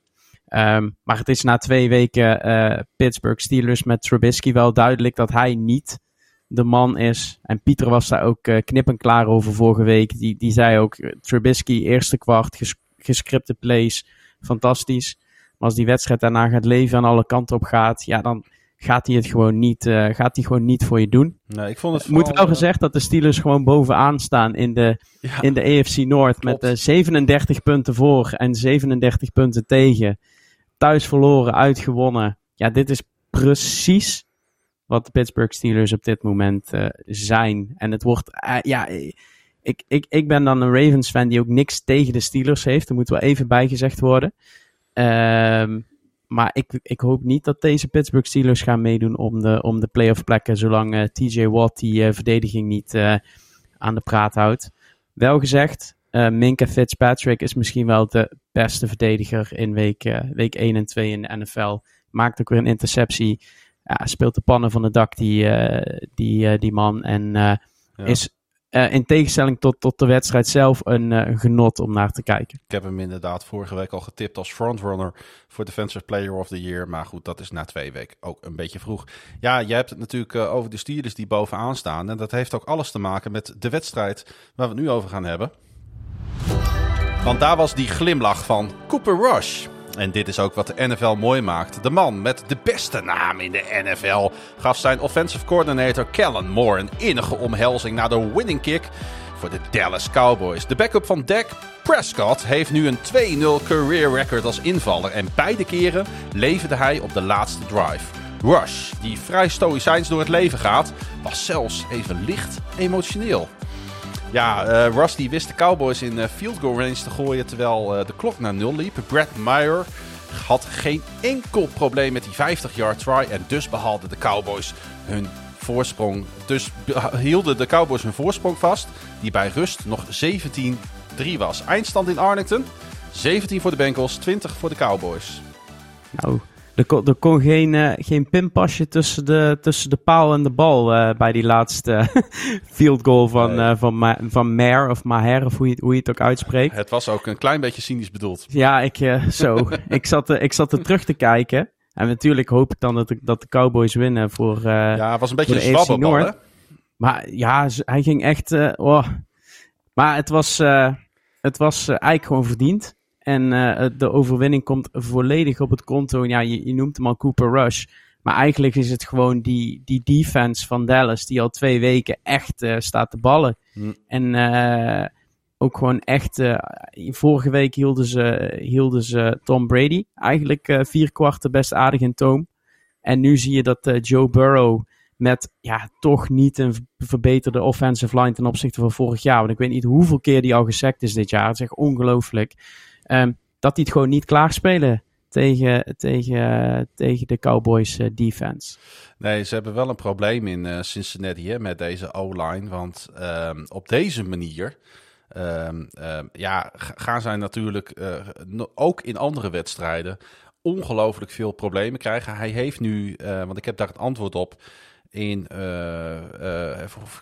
ik gokte al dat jij het vast ergens in dit ellenlange script hebt, uh, hebt staan. Ja, ik heb het wel opgezocht, maar volgens mij... Ja, maar het is in ieder geval meer dan 10. Ik denk dat die 12, ja, 13 ja, keer, uh, 12, 13 keer gesekt is. En daar hebben we het in... in heel veel mensen zeggen, zijn de, zijn de Bengals nu zo ver teruggevallen? En als je kijkt naar de ik statistieken... Heb het, uh, ik heb het gevonden. 13? Nou, de Cowboys sekten Burrow zes keer in de eerste drie En volgens mij zeven de vorige week. En zeven inderdaad, waar in de season opende tegen de Steelers. Maar zij, dat, en dan roept iedereen, weet je, ook op NFL Network met van die, van die korte, loze takes van ja, de Bengals zijn enorm teruggevallen. Maar we hebben het in de, in de preseason show er ook over gehad dat de Bengals eigenlijk een schier onwaarschijnlijke Super Bowl hebben gemaakt. Omdat zij als een totaal middelmatig team, als je naar de statistieken kijkt, die AFC North uh, gewonnen hebben vorig jaar. Ja. Zij waren over de kwarten heen, schoten de statistieken alle kanten op. En het enige wat die Bengals overeind hield was bij tijd en wijle een goede defensive scheme. Die, die net genoeg was. Ze speelden ook tegen uh, heel veel slechte defenses vorig jaar. En Joe Burrow en, en Jamar Chase. Die gewoon dwars door het plafond van alle statistieken die, die overwinningen binnensleepten. En je ziet nu dat die offensive line, die is eigenlijk misschien nog wel beroerder dan vorig jaar. Ja. Ondanks het feit dat dat buiten de acquisitie van Hayden Hurst als tight end het enige is waar ze het afgelopen zomer mee bezig zijn geweest. Dus waar de Ravens heel erg bezig zijn geweest met die big plays en er eigenlijk nu nog steeds niks van bakken, uh, doen de Bengals eigenlijk ook precies hetzelfde als vorig jaar. En nu zie je dat die, dat die piek in die wedstrijden er niet is. En dat ze tegen goede defenses spelen twee weken op rij. Ja, want dat en dan moet natuurlijk wel gezegd keer... worden. Hè? De Steelers in week 1 en dan uh, Micah Parsons en de Cowboys in week 2. Ja. Nee, nee, nee, de Bucks. De, oh, de Steelers in week 1, sorry. Ja. En, de, en, de, en de Cowboys in, uh, in week 2. Ja, en dan, dan zie je gewoon dat je, dat je gewoon eigenlijk tegen twee, uh, twee nederlagen aanloopt. En het had anders kunnen zijn. Ze komen hier gelijk. Vorige week hadden ze een, een, een, een extra point om, om de wedstrijd te winnen. Dan kun je ook zomaar 2-0 staan. Uh, tegen Trubisky en Rush. Want dat zijn natuurlijk wel de quarterbacks waar je tegen speelt. Maar je ziet het, waar vorig jaar het kwartje steeds de goede kant op viel voor Cincinnati. Mm -hmm. um, is dat nu gewoon absoluut niet het geval. En sta je gewoon na twee wedstrijden 0-2 en onderaan in de AFC North. Ja, de Bengals zijn dan ook de eerste verdedigend AFC-kampioen die het seizoen beginnen met 0-2 sinds 1999. Toen Oeh, Den dat, dat was ja, Denver. Toen Denver, Denver na Broncos, twee op één volgende Super Bowl overwinningen 0-4 startte nadat natuurlijk John Elway met pensioen ging. Uh, wat ik trouwens leuk vond aan deze wedstrijd was de touchdown catch van Noah Brown. Um, ik denk ook een hele belangrijke play in die winning drive. Hè, 12 yard completion op Noah Brown. Die zijn eerste NFL touchdown ving tijdens deze opening drive. Hij noteerde een career high 91 yards receiving. Hij speelt al sinds 2017 voor Dallas. Maar heeft een lange geschiedenis van blessures. Speelt vooral als hij speelt voor special teams. En juist deze jongen in een wedstrijd met Cooper Rush, wat natuurlijk ook een, een, een een, een, ja, een gamble is om hem neer te zetten. Juist deze jongen breekt door in deze wedstrijd en bezorgt met deze touchdown uh, de Dallas Cowboys de overwinning.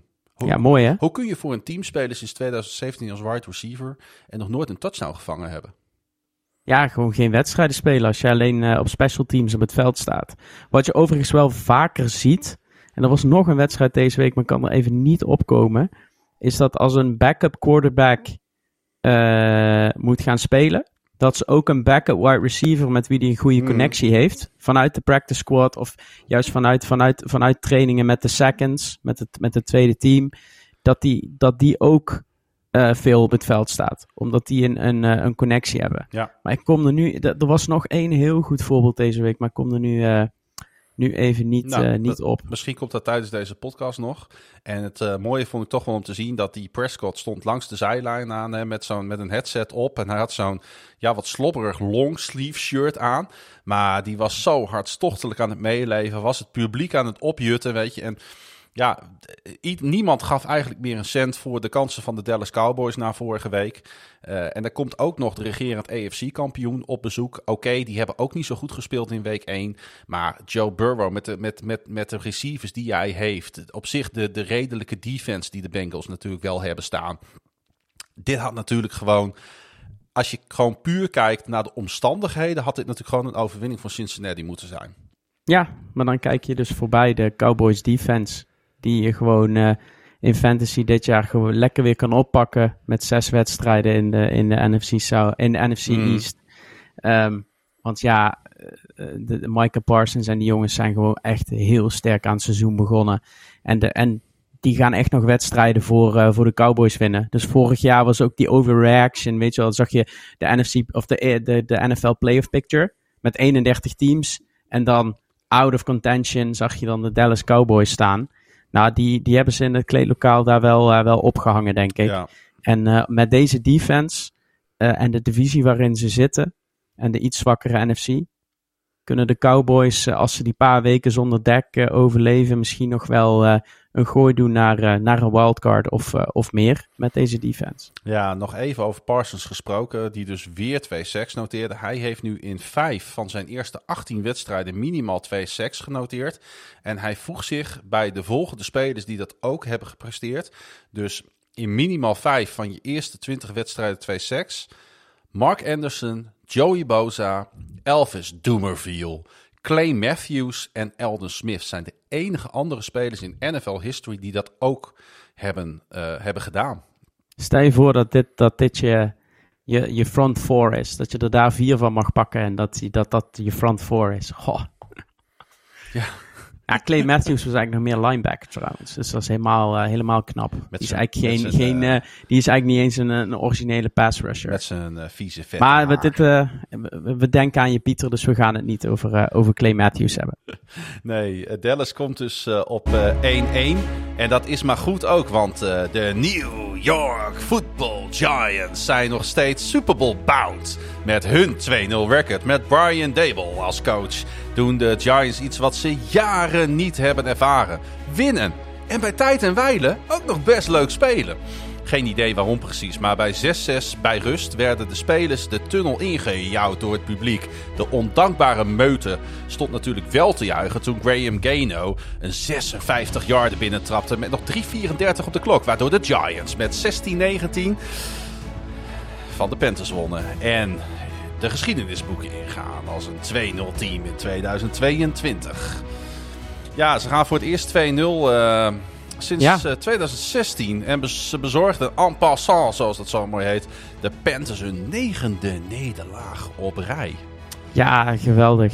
Uh, wat, wel, wat wel mooi is, is dat je ziet de Steelers met 14-17 verliezen van de Patriots. En iedereen vindt het een saaie wedstrijd.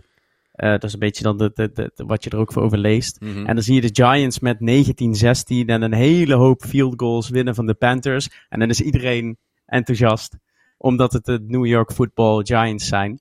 Um, Graham Gano, daar zat ik, toen ik het, ik heb toch nog wat voorbereiding gedaan. Die zal nog wel eens terug hebben gedacht aan 30 juli 2020 uh, op zondag. Want toen werd hij dus uh, gereleased ge of gekut door de Carolina Panthers. Ja. Waar hij jarenlang een van de meer, ja, hij was geen exceptionele, maar wel een hele stabiele kicker was. En dit was eigenlijk gewoon de grote Graham Gano uh, revenge game. Die wedstrijd liep precies zoals hij wilde. Uh, want hij kon de ene na de andere field goal binnentrappen. En eigenlijk, uh, want volgens mij waren het vier field goals en één, één touchdown van de, van de Giants. Ja, 56 um, yards uh, uh, was dus uiteindelijk de winnende. Maar daarvoor had hij 51, 36 en 33 yards. Ja, geweldig. Ja, dat, dat, dat, dat daar droom je dan, dan van. En dan worden de Panthers eigenlijk twee weken op rij door, ja, door een kikker, door een kick en een kikker ge, genekt. En je moet niet in die positie komen, maar het, het ja, zijn de Panthers daardoor competitief? Of nou. vind je ze eigenlijk gewoon tekort komen? Nee, die, die komen tekort. En uiteindelijk komt natuurlijk ook Baker Mayfield gewoon tekort. Hij is natuurlijk een hele aardige quarterback. En ik vond hem ook altijd bij de Cleveland Browns een redelijke quarterback. Jij denkt er anders over. Maar ik zie nog steeds wel de potentie in deze jongen. Het is gewoon, weet je, hij hoort absoluut bij de, bij, bij de top 32 quarterbacks in de league. Hij is een starting quarterback. Alleen, uh, het is ook ik, ik denk meer dat het, dat, het, uh, dat het organisatieprobleem is dan dat het Baker Mayfield probleem is. Ja. Ja, ik denk meer dat het met Rule probleem is dan dat het het probleem... Kijk, ik snap wel dat als je Panther-fan bent dat, dat, en je ziet deze wedstrijd en je ziet... Dan, dan ga je vooral kijken naar wat Baker Mayfield niet kan. In plaats van wat hij wel kan ja, dat klopt. Want als je deze twee uh, weken achter elkaar verliest. Maar jongens, uh, uh, het, het, is niet zo dat, dat onder andere quarterbacks het natuurlijk beter ging. Matt Rule is nu 10-25 als headcoach van de Panthers. 10 wedstrijdjes gewonnen, 25 verloren. Het is toch te treurig voor woorden. Ja, en eigenlijk nog veel belangrijker. Um, waar, je, waar we het net over de Jaguars hadden, die met een nieuwe coach met, met iets bezig zijn. Uh, heb je er, en, en, en we krijgen daar ook nog de, de, bijvoorbeeld de Detroit Lions, maar ook de Atlanta Falcons, die mm. met een bepaalde energie daar naar uh, LA gaan. Zelfs de Houston ja, Texans. Je ziet er, ja, ze zijn, ze, de, de, Panthers zijn net zo, zo bleu als die, die, die rare wit met lichtblauwe outfit van, van ze. Ja, er is echt, ja, ja. Het, het, het, is het gewoon, uh, het is het gewoon niet. Ja. En het, ik denk dat, dat ze echt een heel lang en moeizaam seizoen uh, tegemoet gaan. En dat ze echt moeten, voor, moeten uitkijken dat ze niet voor het tweede jaar op rij uh, vierde worden in, die, in de divisie. Ja, daar gaat deze coach natuurlijk gewoon uit. Dat is wel duidelijk. Ik vond wel, er uh, was één lichtpuntje. Dat was de Panthers defense. Die de Giants in de eerste helft op 60 yards hield. Dat vind ik toch wel heel erg knap. Aangezien daar natuurlijk ook een Saquon Barkley rondloopt in de offense van de Giants die slechts 72 yards op 21 carries noteerde. Nou, die was dus wat minder aanwezig. Christian McCaffrey noteerde weer eens een 100-yard game met 102 yards op 15 carries. Maar hij kan dus ook niet dit team wat dat betreft op sleeptouw nemen. Zoals bijvoorbeeld Saquon Barkley dat natuurlijk in week 1 voor de Giants wel heeft gedaan. Ja, ja nou, maar je ziet nu dat, dat, dat, uh, winnen ze winnen in de NFL. En de Giants winnen twee weken op rij. eh, op twee verschillende manieren. En dat is, dat is ook eh, wat waard. Dat zag je bijvoorbeeld vorig jaar bij de Ravens. In die eerste stretch van het seizoen. Iedere wedstrijd werd op een totaal andere manier gewonnen. En als je dat hebt als ploeg. Als je op meerdere manieren kan winnen. Nou, dan is dat eigenlijk ook een, een, een, een, eh, pluspuntje. Ja. Ik zit trouwens nog heel even naar die Graham Gano te kijken. Heel Ja. kort. Want ik, ik hou de tijd strak in de gaten natuurlijk. Ehm, die, eh, die, die Gano die is uiteindelijk gekut. Omdat de Panthers medical staff. Die hebben. They botched the diagnosis of the injury he suffered. Dus die hebben een, een, een fout gemaakt. Bij een eh, blessure van hem. Waardoor hij een heel seizoen gemist heeft. En vervolgens is die, eh, is die gekut. Dus ik denk dat er echt nog wel wat. eh wrok en vrevel bij, bij Gano zat. Als hij terugdenkt aan zijn tijd in, in Carolina. opvallend. Het laatste wat ik over deze, deze wedstrijd nog even wil noemen was eh, de grotendeels afwezigheid van Kenny Golladay. De wide receiver die in 2021 nog eh, voor vier jaar en 72 miljoen dollar werd getekend, speelde slechts een paar plays. Hij scoorde vorig seizoen nul touchdowns. Ja, het, lijkt wel of, het lijkt wel of hij nu echt eh, gedegradeerd wordt tot, tot een soort van waterdrager is- van het team. Hè? Hij is de omgekeerde Christian Kirk. Want eh, hij kreeg 72 miljoen en daar was, eh, iedereen vond het wel veel, maar daar werd eigenlijk niet heel veel over, over gezegd. Omdat hij in, in Detroit, nou we hebben het één keer live gezien, echt wel liet zien potentie te hebben. Eh, Christian Kirk daarentegen, die krijgt ook volgens mij 72 miljoen. Eh we lachen ons allemaal de bal uit de broek. Maar die jongen die staat, die staat heel goed te spelen. En Ja. ik denk dat er een hoop fantasy owners heel blij zijn met hem, met hem en zijn team. Dus Eh, ja, Kenny Golladay is de omgekeerde Christian, eh, Christian. Ja, jij draft dat soort spelers dan. Ja. Ik blijf daar dan ver weg van, maar ja. Nou, je hebt het volgens mij niet slecht gedaan in fantasy de- Ik heb deze eh, week. een uitstekende week gedraaid. Ik was vorige week in mineur, maar ik heb heel veel gewonnen deze Ja, week. je hebt natuurlijk overal Lamar in ronde 1 ook gepakt natuurlijk. Ja, en natuurlijk, Just- en natuurlijk Justin Tucker. In ronde 5. Goed, hey, het duurde vorig jaar tot week 13 voordat de Lions Dan Campbell een overwinning schonken. Dit jaar is de eerste zege een stuk eerder te noteren. Jared Goff gooide twee van zijn vier touchdown passes naar Amon Ross St. Brown. En Detroit versloeg Washington met 36-27. Zo, dat was de eerste van dit seizoen, zei Campbell na de overwinning trots, gretig en hongerig naar meer van zijn Detroit Lions. Motown, it's your first win of the season. Ja, de Detroit Lions. Frank, hoeveel houden wij van Detroit, van de Lions en van Dan Campbell? Ja, heel veel.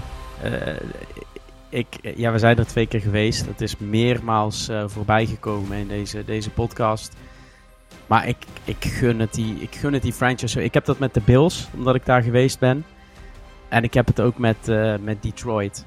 En als je deze wedstrijd... Ja, we hebben hem natuurlijk... eh, Dit was natuurlijk weer chaos, deze wedstrijd. Want de Lions winnen nooit, zeg maar... Met, met, 16, z- met, met 17, eh 14 of met 24, 10 of zo. Het moet dan altijd weer 27, eh 36 zijn. Het moet altijd weer bijna scorigami-achtige eh, allure hebben. Ehm, maar wat je, waar ik aan moest denken, er is één play waarbij Jared Goff valt, opstaat, in dezelfde play en alsnog die touchdown gooit. Hm. En die play alleen, dan moest ik terugdenken aan, de, aan, dat, aan die scène in Hard Knocks, waar, Dan- waar, waar, waar Campbell, eh, Dan Campbell met eh, die broek gaat uitkloppen Ja, in die, eh, in die speech naar, naar, zijn, naar zijn team. Dat hij zegt, jullie zijn allemaal getalenteerd. Jullie kunnen allemaal voetbal spelen. Het enige dat wij als Detroit Lions moeten doen... en het enige dat wij als coachingstaf jullie moeten bijbrengen... is dat we dat, dat die stof ervan afgooien. En dan klopt hij die broek uit. ja. En ik moest, ik, moest eraan, ik moest eraan denken toen ik Goff daar zag liggen. Hij stond op en hij gooit alsnog die touchdown. En ik dacht, de afgelopen tien jaar was het een sack geweest. Hm. En nu is het, een, is het een touchdown. En iedere keer in die wedstrijd als de commanders... Want die waren in het begin van de wedstrijd slecht. Dat was niet te geloven. Maar iedere keer als ze dan weer terugkwamen... dan was er of Jared Goff... of DeAndre Swift...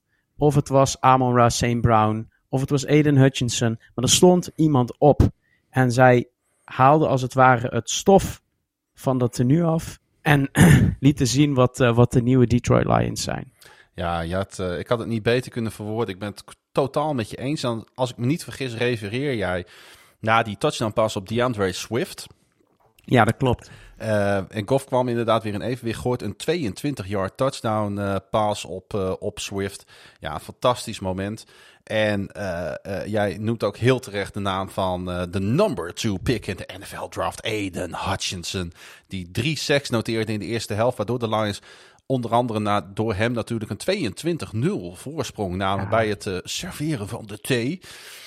Ja, en toen Ja, kwam ik, na eh, rust ook nog die interceptie van Will Harris. En De de- Defensive Rookie van the Year titel eh, frontrunner is, eh, is ook met kop en schouders Ja, bekend, lijkt me. Maar die, die met. Sorry, ik, ik, heb, eh, ik, ik heb het ook gezegd in de voorbereidingspodcast. Ik heb het ook gezegd na de NFL-draft. In die podcast. Ik heb de afgelopen jaren niet een speler gezien als Aiden Hutchinson. En ik, ik- ondanks dat eh, de draftkeuze van de Jaguars het ook erg goed doet, snap ik nog steeds niet waarom ze aan hem voorbij zijn gegaan. Het moet iets met de fit eh, te maken te hebben. Zij moeten gevo- aangevoeld hebben dat hij eigenlijk in Detroit past en niet in Jacksonville. ja, ik- dat zou het maar Dat goed moet zijn. het- dat dat zou, moet het, eh, dat zou het moet zijn geweest. Dat is het geweest, maar wat die Aiden, die Aiden Hutchinson, dit, dit, is zo'n, dit wordt zo'n speler voor die ages. Ja, ja, ik, ik kan, ja of, of er zijn dingen onder de tafel gegaan. Of eh, misschien dingen met Ja. serveersters in Jacksonville. Je weet het niet. Maar, Ho ho, Ben Roethlisberger is gestopt, hè? maar. Aiden, Aiden Hutchinson hoort in Detroit. Ja, Dat klopt aan alle kanten. ja. En eh, ik, ik hoop dat hij, eh, hoe heet de first pick van, eh, van toen nog de Redskins en de Washington voetbalteam? Jo Jong? Ja, Jong? Chase Young, Chase Young, ja. zeker. Ja, die maakte eigenlijk eenzelfde soort indruk. Ja. Ehm, maar daar had je dat, dat homegrown had je daar niet, eh, niet bij. Nee. Die deed in het eerste jaar, nam die ook dat hele, die hele defense op zijn rug. Nou, die, die is, ze heeft natuurlijk met blessures ge, gestruggeld. Ehm, volgens mij nog steeds. Maar ja, Aiden Hutchinson, ja, ik, ik word er heel blij van als ik, Ik naar ook. die jongen kijk. En zo- zo'n ja, dat zou zomaar de volgende TJ, eh, TJ Watt kunnen worden. Ehm, de O-line wist Carson Wentz in de tweede helft wel meer tijd te geven. En onmiddellijk plukte de quarterback daar de vruchten van. En nog in het, eh, derde kwart naderde Washington tot zeven punten met een 15-yard touchdown pass op Curtis Samuel. Een 20-yard pass op Logan Thomas. En een two-point conversion op rookie Jahan Dodson. En toen dacht ik wel even van, oeh, Detroit gaat weer lionen. Detroit gaat weer Detroiten. Ja, maar, die stof moest van die broek. Die stof moest, moest van die broek. En eh, Riverboat Ron ging commandoren. Ja, die ging eh, riverboten. Want het is mij nog steeds onduidelijk waarom hij op een gegeven moment na die touchdown van Antonio Gibson voor een two-point conversion ging. Waardoor Detroit op acht punten bleef. Ik, ik, ik kan niet, niets verzinnen waarom je dat zou doen. Ja, als je kikker weer geblesseerd is, net als toen we er vorig jaar waren. Ik weet het niet. Nou ja, misschien had eh, hij, de- daarvoor heb ik, heb ik die wedstrijd niet, eh, niet eh, nou, misschien had niet hij, genoeg eh, gezien. misschien had hij inderdaad geen vertrouwen in zijn kikker. Want eh, nadat Wentz uiteindelijk toch nog een touchdown gooide op Dodson, eh, miste Joe, Joey Sly eh, een extra point. En toen mislukte de onside kick en was de wedstrijd voorbij. Dus het zou kunnen dat er iets met, eh, met Joey Sly is natuurlijk. Ja. Tenminste, dat zou het een klein beetje verklaren. Ehm, ook opvallend, om nog even terug te gaan in de tijd. Dit was natuurlijk een pot tussen... Ja, eh, ik zat er echt net aan te denken. de En twee nu, en nu lees ik het dus in het script. 2016, ja. Ja, golf Ik tegen hierin. De nummer Ja. 1 en de nummer 2 van 2016. Zo. Ja. Ze hadden de, de Rams en de Eagles de eerste twee picks in Ja. de NFL. Oh.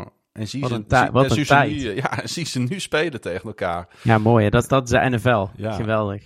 Eh Wentz eh, was eh 30 uit 46 voor 337 yards en drie touchdowns. En waarom noem ik dat? Nou, hij is de eerste quarterback sinds tenminste 1950. 1950.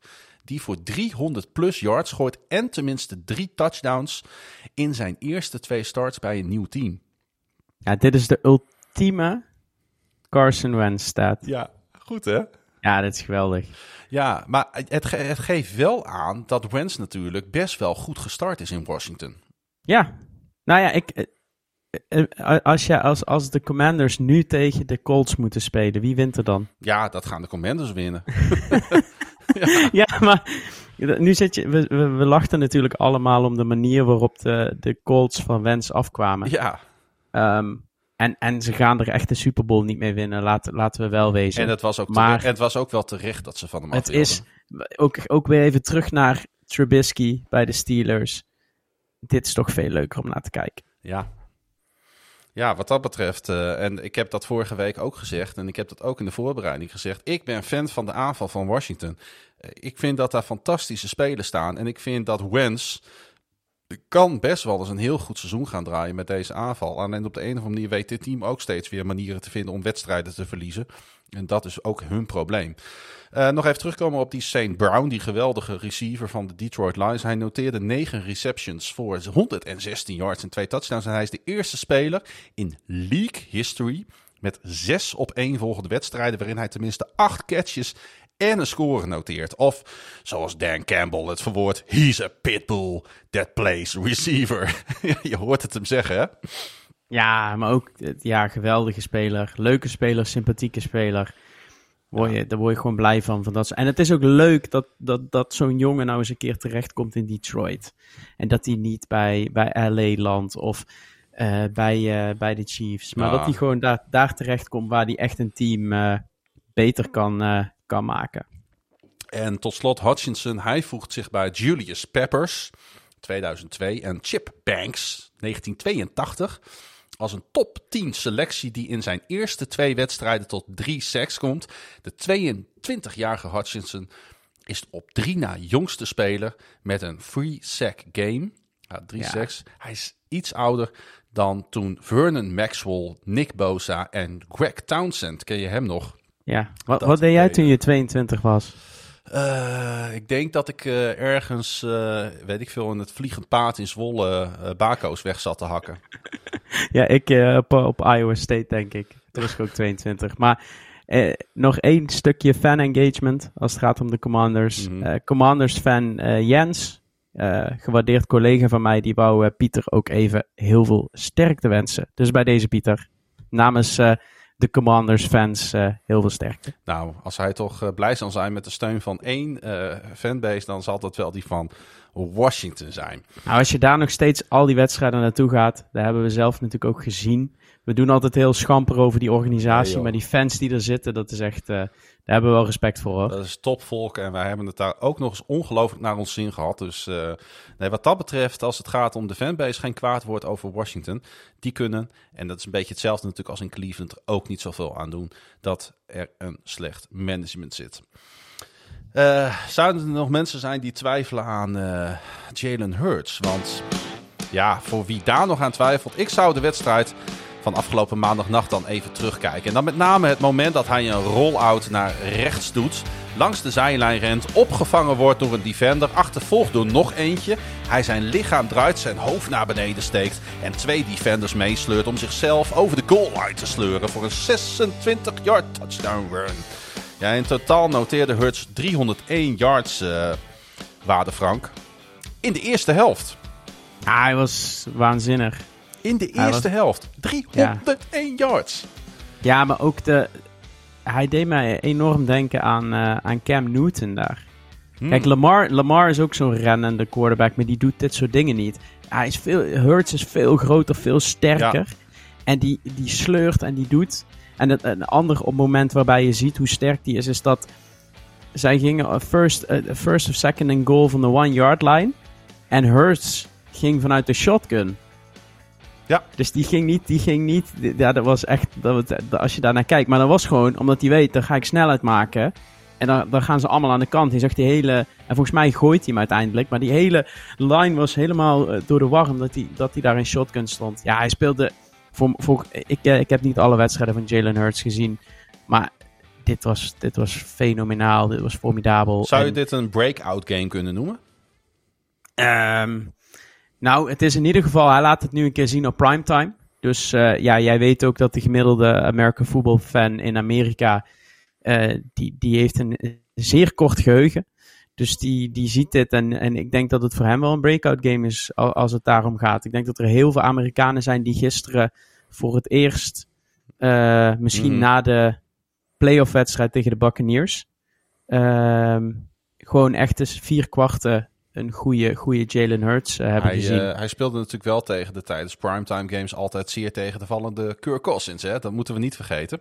De 7-24 tussenstand bij rust was ook de eindstand. Dat vond ik dan wel weer opvallend. Maar uh, Eagles coach Nick Sirianni, die, Sirianni zei een big time performance on a big time stage. En daar had hij natuurlijk helemaal gelijk in, want het was Ja. ongelooflijk indrukwekkend wat zijn quarterback en ook, ook zijn team liet zien. Eh Darius Slay, die twee intercepties noteerde tegen de toch wel heel slap spelende Kirk Cousins. Eh, het was weer eens Monday Night. Noemde, dat vond ik wel grappig, alle drie de Eagles receivers Batman in een interview na de wedstrijd. En toen zei hij, ja, Brown is de swole Batman met vijf catches, zei hij. Devontae Smith is de skinny Batman. die had de 7 voor 80. En Watkins was de fast Batman. Die even de burners aanzette hè, voor die easy score Ja. die hij had. Eh, en toen vroegen ze aan hem, waarom zijn ze allemaal Batman? Hij zei, omdat wij no Robins hebben. We've got no sidekicks. Geweldig. Goed ja, en, antwoord, hè? en Da- en Dallas Goddard had ook meer dan 65 yards. Dus ze hadden er, eh, ze hadden er vier. Ja, En dan, dan zie je dat hij, hij, hij rusht zelf. Eh, de Miles Sanders run game zag er ook gewoon weer heel degelijk uit. Ja, dat, die Eagles offense die staat. En als zo'n Darius Slay, die had dan twee interceptions. Hij had ook vijf eh, pass deflections. Ja, dan, ja, dan, dan, dan, dan win je zo'n wedstrijd eigenlijk veel gemakkelijker dan dat velen van tevoren hadden, hadden verwacht. Ja dan Ehm, zie je dus maar de, ook, de eh, Vikings gaven op geen enkele manier thuis. En misschien, we hebben nu natuurlijk twee weken NFL gehad. En fantastische wedstrijden gezien. Maar de primetime games, die vallen nog een klein beetje tegen. En dat was vorig jaar wel anders. Want we hadden de ene na de andere hmm. sensationele primetime game. Maar ja, gisteren was het eigenlijk... Het was bij rust eigenlijk allemaal min of meer beslist. En in het vierde Ja. kwart, derde kwart gebeurde eigenlijk niks meer. Nee, dat was wel opvallend. Ook opvallend vond ik toch wel dat wide receiver Jefferson bij de Vikings geen enkele rol eigenlijk van betekenis spelen. Speelde trouwens eh, de speler hè, waar de Eagles in 2020 aan voorbij hebben gekeken. Eh, ik wil het toch maar even weer benoemen. Ja, en ik vond vooral ook dat die, die defense onder leiding van defensive coordinator Jonathan Gannon eh, toch wel een hele indrukwekkende prestatie neerzette. Die kregen natuurlijk even 35 punten tegen in Detroit vorige week. Maar dit jaar, deze week was het veel beter.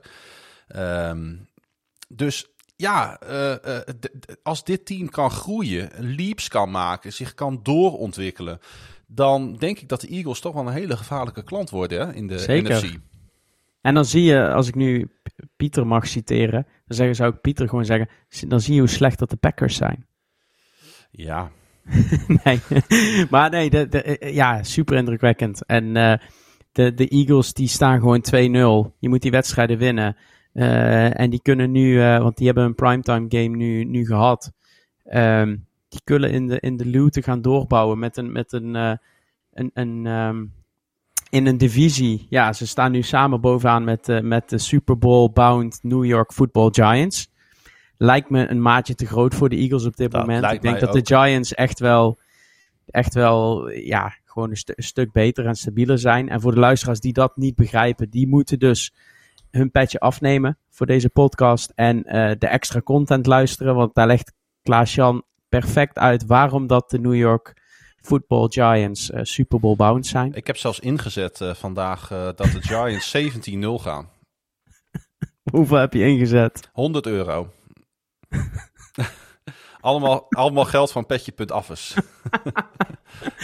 Oh, mooi. Gewoon twee MVP-leden heb ik, eh, heb ik eh, zo gek gekregen om 50 euro. eh. Nee, eh, weet je, eh, dat is natuurlijk niet zo. De Eagles hebben een veel complete team. Ik heb Ja. ontzettend genoten van ze afgelopen nacht. Tenminste, ik heb de wedstrijd teruggekeken. eh, dus ik heb vanmiddag heel erg van ze genoten. En ik wil niet een Altoltje zootje doen, maar Altoltje zo. James Bradbury. Ik heb hem gelijk genoemd als de beste aanwinst van de Eagles off-season. Hè, die hebben ze losgepeuterd bij die New York Giants. Die ik ook zo aan het ophemelen ben. Ik heb gelijk gezegd dat dat een groot gemis gaat worden voor de Giants. En dat bleek, bleek ook wel weer. Want Ik- eh, hij heeft ook weer een geweldige wedstrijd gespeeld. Ik zit eh, naar het schema van de Eagles te kijken. Die, als die Ja. zo blijven spelen, dan doen die mee voor de first seed in de NFC. Want Ehm, Washington, Jacksonville, Arizona, Dallas, bye week.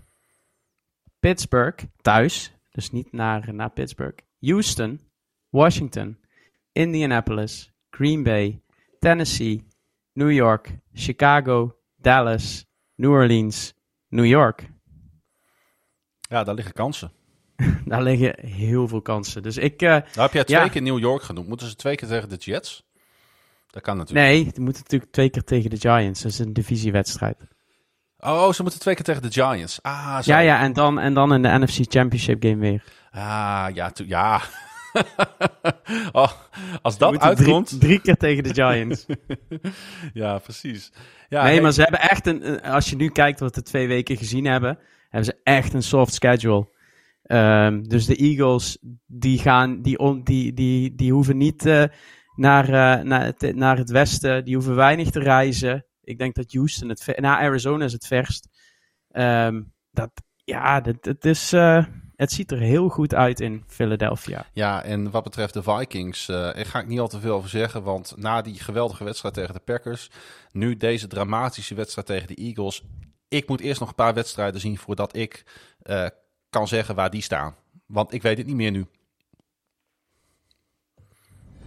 Einde wedstrijd. Ja, ik ging er eens even lekker voor zitten na die eerste scoring drive van de Chicago Bears. Dit zou wel eens een hele leuke Sunday Night Football kunnen worden, maar niets bleek minder waar. De Packers vonden een manier om de Bears van hun roze wolk te blazen. En die manier had een naam. Aaron Jones rende voor 132 yards en een touchdown. En ving ook nog eens een scoring pass van die andere Aaron, Rodgers. Die na een teleurstellende week 1 doorging met waar hij goed in is. Namelijk het domineren, het ownen van de Chicago Bears. Aan het eind van de avond stond een 27-10 zege op het scorebord van Lambeau Fields. Ja, Jones uh, vorige week in de nederlaag tegen Minnesota nog maar 5 carries voor 49 yards en 3 catches. En de Packers lieten eigenlijk gelijk toen al weten dat ze niet blij waren met zijn rol, hè? Nee, ja, die, die moest groter en hij moest meer de bal krijgen. En ja, hij, uh, hij stelde niet, uh, niet teleur. Hij nee. pakte gemiddeld 8,8 yards per rush. En ja, was leider van, van, van die, hele, die hele offense. Waardoor Aaron Rodgers eigenlijk een zorgeloze avond had. Um, en dat, ja, dat is niet wat we, wat we willen. Uh, zeker voor uh, waardevriend uh, Pieter niet. Die eigenlijk had gezegd: ik, ik ga er niet zijn deze week. En ik, omdat de Bears gaan winnen. En dan ben ik onuitstaanbaar. het lot is ons nu even, even anders gezind. Ik had ook nog geopperd dat maar daar ging jij niet in mee, omdat je echt een journalistiek goede podcast wil maken. Uh, maar ja, sorry Pieter, maar ik had dus geopperd dat we gewoon alsof gewoon glashard gingen doen alsof de Bears dit gewonnen hadden met 27-10. En dat uh, Justin Fields uh, een, een, Jalen Hurts-achtige wedstrijd had gespeeld. Maar Klaas-Jan wilde het bij de, nou bij ja, de feiten houden. Als wij iets hebben geleerd in onze levens, en dat geldt voor ons alle drie, is dat je op een gegeven moment niet meer moet weglopen van je problemen, maar dat je ze moet aanstaren. Nou, dan uh, kunnen de Bears uh, deze week gaan staren, want het is een nieuw jaar. Weer die, ja, ik, ik zag hem weer op het schema staan en dan, dan, dan hoef ik ook niet, ja, het is weer Bears, Packers, vroeg in het seizoen op, op primetime. Um, en het is weer een redelijk afgetekende uh, zege. Ik zag het Calimero tweetje nog van, um, van, de, van de Dutch Bears. Uh, waarin ze heel duidelijk uiteenzetten wat, uh, wat uh, de zebra's allemaal uh, goed hadden gedaan voor, voor Green Bay. En de zebra's waren ook zeker in het voordeel van Green Bay. Er waren een aantal hele dubieuze beslissingen bij. Ja. Maar om daarmee een 17-10 zege van het bord te willen vegen, dat, dat gaat mij te ver. de Bears gaan een lang en moeizaam seizoen tegemoet. En Aaron Rodgers, ja, die heeft Aaron Jones heel hard nodig. Ja, dat wisten we natuurlijk al een beetje voor het seizoen. Maar dat was vorige week die toch wel spectaculaire en onverwachte overwinning op de San Francisco 49ers in de stromende regen van Chicago. Uh, hele knappe overwinning, waardoor er een klein beetje hoop gloorde natuurlijk in de harten van de Bears-fans. Maar goed, als Green Bay dan alweer de, voor de zevende keer op rij je verslaat. Daarmee evenaarden ze trouwens uh, de op één na langste winstreak in de 205 ja. game history van de oudste rivalry in de NFL. De Packers wonnen tien keer op rij van de Bears tussen 1994 en 1998. En ze hebben twee andere seven-game win streaks in deze series. Namelijk tussen 1928 en 1930 en 2000 en 2003. Uh, ja, het, het, is, het, is, uh, het is een beetje een, een repeterend verhaal aan het worden. Ja, het, het al sinds 1928. Ja. Nee, ja, het, is een repeterend verhaal, maar het is heel simpel. Uh, de Packers zijn een beter team dan de Bears, worden beter geleid, ja. hebben betere spelers en winnen daardoor altijd. Ja, we kunnen er heel kort en lang over, over praten. Het is de hoop dat, dat de Bears nu met de nieuwe, de nieuwe leiding, nou, daar heeft waardevriend Pieter uh, heel duidelijk al uiteengezet wat er allemaal verandert. Hij heeft ook heel goed laten zien in preseason wat ze goed doen, wat ze vorige week goed doen. Weinig penalties. Uh, met Fields, een, een, een veelbelovende quarterback. Maar volgend jaar, met al die cap space die ze hebben, zal er een, een ander team moeten staan. Hm. Maar ook als ik nu de Vikings, ja, vorige week tegen de Packers dan zie spelen. En ik zie de Lions vechten voor, voor iedere strohalm. Ja, dan wordt het een een lang seizoen uh, in, uh, in Chicago. Ja, vraag is natuurlijk wel of de Packers, uh, of, of, of dat dan het geweldige team in deze divisie is, omdat ze nu van de Bears hebben gewonnen. Ze domineerden in ieder geval wel, in het, met name in het tweede kwart. Gingen daardoor met een 24-7 stand de rust in. Daarmee was de wedstrijd praktisch gespeeld. Al moest er in het vierde kwart nog wel een goal line stand aan te pas komen. Uh, bij Rodgers ging vorige week eigenlijk niets goed, hè? Maar deze week connecte hij toch wel heel aardig met 19 uit 25 voor 234 yards, twee touchdowns. Um, en de Packers zijn nu 24-5 tegen de Bears met Rodgers als starting quarterback. En hij zei na de wedstrijd vanavond draaide alles om 28, AJ Dillon en 33, Jones, hun de bal geven. Ik speelde niet heel goed. Ik denk dat de stats er beter uitzien dan dat de wedstrijd eigenlijk was. Ik miste een paar worpen die ik niet mag missen. We hadden meer kunnen en moeten scoren. Ja, hij, hij, je kunt veel van hem zeggen. En ik heb ook wel kritiek op hoe die is en wie die is. Maar hij is wel altijd heel eerlijk hè, na de wedstrijd. Ja, na de wedstrijd is hij heel eerlijk. Dus, in het uh, offseason niet. Nee, in het offseason niet, inderdaad. Wordt wel leuk trouwens. Uh, de Packers moeten volgende week uh, of dit weekend naar Tampa. En ehm, ja, Rodgers is natuurlijk, uh, staat bekend om zijn ontzettend slechte record in Florida. Daar wint hij nooit. Volgens mij heeft hij, dat is echt zijn, zijn grootste statistical flaw. Zodra die man uh, voet zet daar in die staat, dan kan hij geen bal meer gooien. Dus het wordt een hele leuk om naar uit te kijken, want ik denk dat dat, dat, dat een, een mooie test wordt voor, voor Green Bay. Ja, nog meer goed nieuws voor Green Bay, terwijl ik nog even een colaatje pak. Uh, dat was namelijk de terugkeer van right tackle Elkton Jenkins. Een hele belangrijke schakel in de run game en met name de red zone offense. He, want het is niet voor niks natuurlijk dat die run game, run game veel beter liep ten opzichte van vorige week. Ja. En de tweede score van Jones uh, was de 450ste career touchdown pass van Aaron Rodgers. De enige andere spelers die die marker bereikten waren Tom Brady, Drew Brees, Peyton Manning en Brad Favre. Nou, dan schaar, schaar, je in ieder geval wel bij een prachtig rijtje. Dan zie je wel dat de NFL een, een passing league geworden is. Hè? Ja. Want ook deze week, als je kijkt wat, wat er voor bizarre passing stats in, in, uh, in wedstrijden gemaakt worden. En als je dit rijtje ziet, het zijn allemaal quarterbacks van deze, deze eeuw. Nou, Brad Favre, nog een stuk van de vorige eeuw. Um, ja, het, het, is een passing league. En dat bewijst deze statistiek uh, eens te meer. Ja, het zag er eigenlijk best wel uh, vertrouwd uit. Jimmy Garoppolo, eh, die de San Francisco 49ers naar een overwinning leidde. Het was alleen wel het gevolg van een zware blessure voor aanvankelijk startende quarterback Trey Lance. Hij brak zijn enkel tijdens de tweede drive van de wedstrijd. Een season-ending blessure voor de 22-jarige die met veel pijn van het veld werd gereden. Voor Garoppolo was het als fietsen. Just like riding a bike. It felt good to be back out there. Feel terrible for Trey. This league is tough.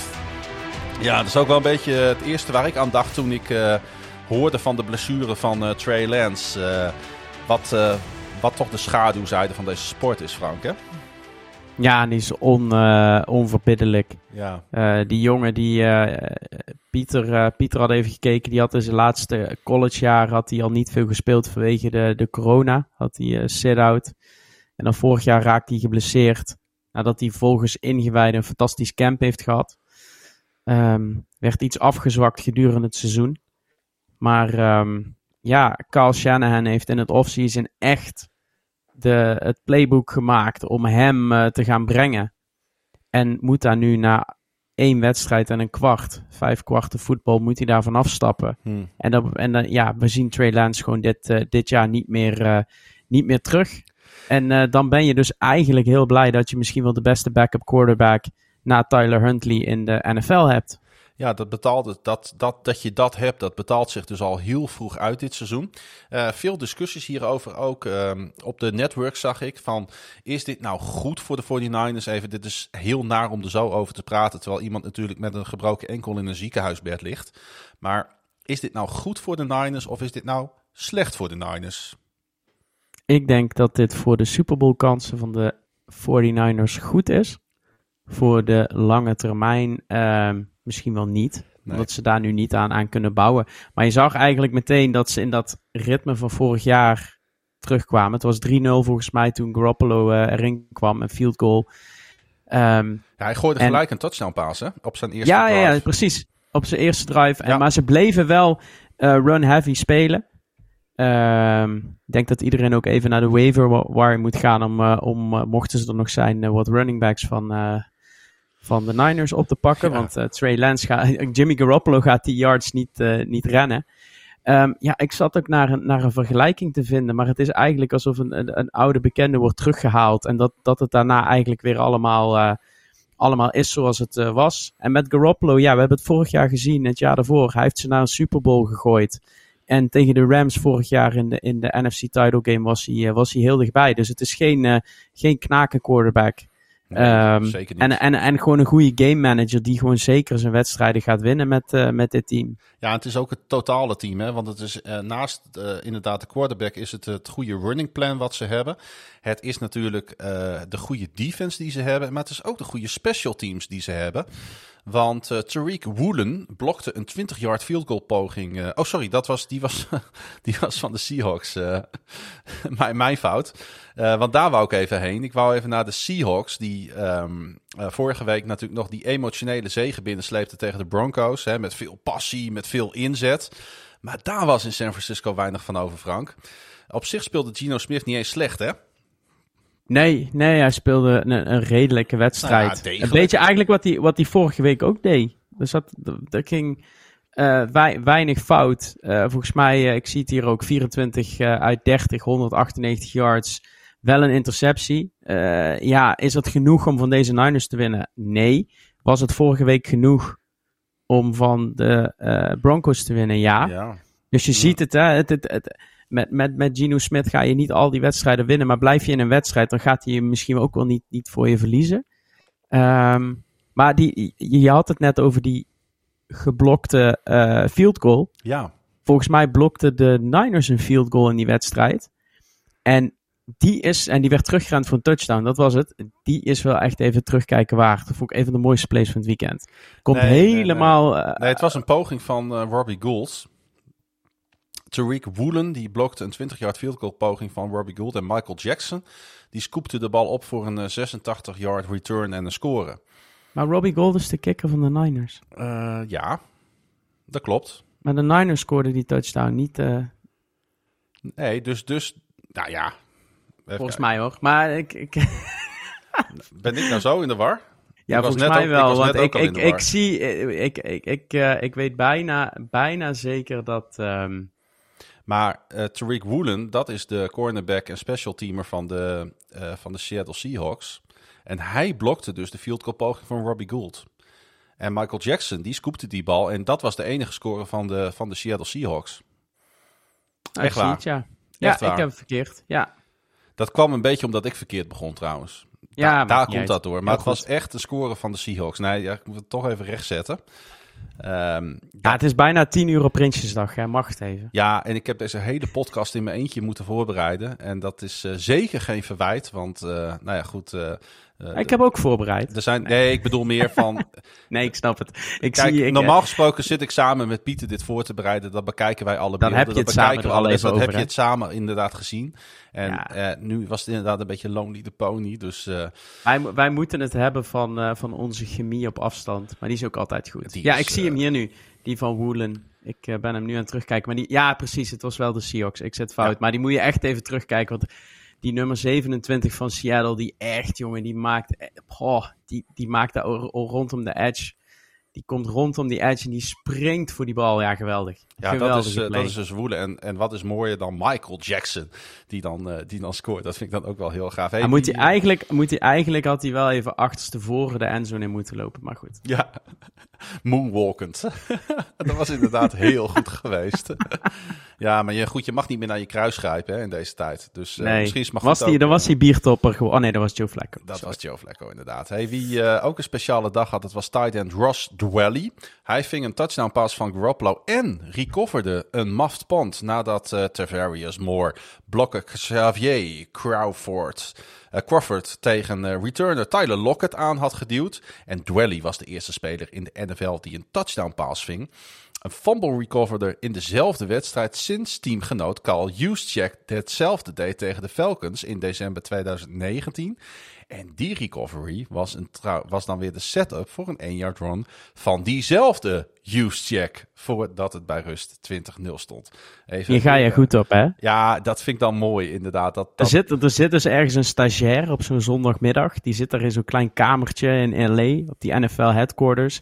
En die, die, vindt, die, die zoekt dit dan uit. En die is dan heel blij dat jij de enige bent die dit dan in een podcast gebruikt. Ja. Over heel de wereld, denk ik. dat denk ik ook. Hey, Maar die, die touchdown van, eh, van Dwelly was ook mooier. Echte, echte tight end touchdown. Echt doorzetten. En uiteindelijk die, die liep naar de endzone. En hij, hij maakte hem. Ook geweldig, geweldig play. Ja, wat kan voetbal toch een mooi spelletje zijn. Het seizoen van de Cardinals was al voorbij voordat het begon. Ze gaan geen wedstrijd meer winnen. En meer van dat soort teksten waren ook bij ons te horen over Arizona.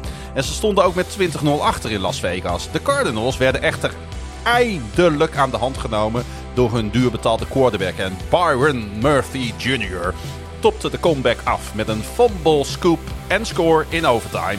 29-23. En de Cardinals werden helemaal loco. De Raiders zijn 0-2 en gaan het op deze manier heel lastig krijgen in deze NFL. Ja. Ja, wat hebben wij wel niet allemaal voor nare dingen over de Arizona Cardinals geroepen in deze podcast. En ook tegen elkaar, Frank. Nou, jij hè? Nou, iedereen heeft zich daar schuldig aan gemaakt. en terecht. Want de Arizona Cardinals... luisteraars ook. zijn alle betalende luisteraars, alle luisteraars. Nee, Iedereen Ja, heeft nee. hier schuld aan. iedereen, iedereen heeft er schuld aan. Eh, de, de Card ja, er is, er is genoeg eh, gezegd en gesproken over de Cardinals. Hun matige offseason en, en, en eh, zo niet meer. Ehm, maar dit is de wedstrijd. Als je, hem- eh, toen ik 's ochtends wakker werd, ik keek op mijn telefoon, ik zat mijn tanden te poetsen en dan kijk je even de uitslagen. Dan eh, kijk je 29, 23 en dan denk je, oh ja, verrast dat ze gewonnen hebben. Het zal verder wel. eh, ik, ik ga naar mijn werk en ik zie het allemaal wel. Maar dat verhaal achter deze wedstrijd en de samenvatting, ja, die zijn wel even. Als er één wedstrijd is waar je de samenvatting van moet hebben gezien om de uitslag te snappen, dan is het, dat, dan is het deze. Want dit was krankzinnig. Ja, dit was zo goed. Weet je waar ik deze wedstrijd gekeken heb? In de trein. Ja, want ik kwam natuurlijk terug van die Dutch Ravens vlog meeting. En wij hadden, eh, toen we in, eenmaal op tijd in Zwolle aankwamen, was er geen machinist voor de laatste nachttrein naar Groningen. Dus uiteindelijk was ik pas om twee uur s'nachts op nou steeds niet hoofdstation. zelf? Nee, nee zet, mij, maar, zet mij alsjeblieft niets achter wat ook maar met de stuur te maken heeft. Dat klopt, ja. Dan komt het nou niet goed. Maar eh, Oh, een fiets, een fiets in Washington. Dat kan nog. ja, ja, ja dat, is, dat is ook weer een hele anekdote trouwens. Zit daaraan vast, hè? Met die eekhoorn. Nee, weet je nog dat ik, dat ik eh, die fiets meekreeg en dat, eh, dat ik op een gegeven moment waren wij een half uur eh, onderweg met onze fietstocht in Washington. En ik zeg tegen jou, ik zeg moet je kijken joh, die batterij van die elektrische fiets is gewoon leeg. Oh ja, die was elektrisch. Ja, dat ik was had een ja. elektrische fiets en die batterij was op. En, oh, ik weet wat je gaat. Ja, ja, ja, ja. ja, En, en, en wij staan en ik ga naar die, naar die, uh, naar die uitstekende tourguide, moet ik trouwens zeggen, ga, ga, loop ik toe. Ik zeg, ja, moet je luisteren. Ik zeg, dit wordt een beetje een lastig verhaal, want die fiets is bijna leeg. En iedereen die wel eens op een elektrische fiets heeft gezeten, weet dat dat als de accu leeg is, is het heel vervelend op fietsen op zo'n ding. En hij zegt, oh, kom wel goed, uh, ik ga even bellen voor je. En we staan daar bij een, bij een monument te kijken. Hij legt wat uit en ik loop weer naar mijn fiets toe. En ik sta, stap weer op die fiets en ik zeg tegen hem, die accu is weer vol. En hij zegt, ja, dat klopt, want je hebt net een nieuwe fiets gekregen. Ja, maar jij bent, jij bent dan, jij, je hebt de gave om sommige hele duidelijke dingen. Wij zeggen allemaal dat er iemand kwam en die pakte die fiets en die nam die andere weer mee. Maar jij, jij gaat dan jij, jij trekt dan, jij bent als iemand die niet de conclusie trekt als hij die fiets ziet van, oh, die zal wel vervangen zijn. Nee, jij, jij gelooft dan in een of andere wonder van boven. Ja. maar jij staat er dan ook bij. En we waren natuurlijk op, op monumentale grond in, in Washington. We stonden bij het, uh, wat was het? het? Het Roosevelt Memorial of zo. Zoiets. En het was, het, het, dus, het was allemaal heel, uh, ja, en, en, uh, en natuurlijk de aanval van de eekhoorn, hè. Ja. Ja, het was een mooie fietstocht. En mensen die die uh, een, een, mooie foto willen van Klaas-Jan met een rode fietshelm op, die kunnen gewoon, uh, die sturen een berichtje en dan krijgen ze die content gewoon helemaal gratis thuis toegestuurd. Ja, dat was, dat was wat. Goed, terug naar, uh, heden. Ik heb, daardoor heb ik die... die Nog even één ding. Wat zei je toen tegen die tourguide? In my previous life I was a squirrel. Ja, dat, dat, zei ik tegen hem.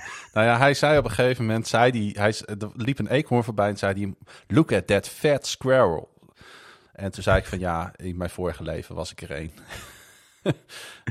Oké, nou ja. terug, terug naar de Cardinals Raiders. Terug naar de met drie kwartier vertraagde laatste intercity naar het uh, hoofdstation van Groningen. Waardoor ik in de trein met, uh, met Henk en met Mark uh, die wedstrijd op een klein schermpje heb zitten te bekijken. Wat, wat een feest was, want ehm, weet je, ik ben niet... Ik heb niet per se iets met de Cardinals. Ik heb ook niet per se iets tegen ze. En dat geldt eigenlijk ook voor de Raiders.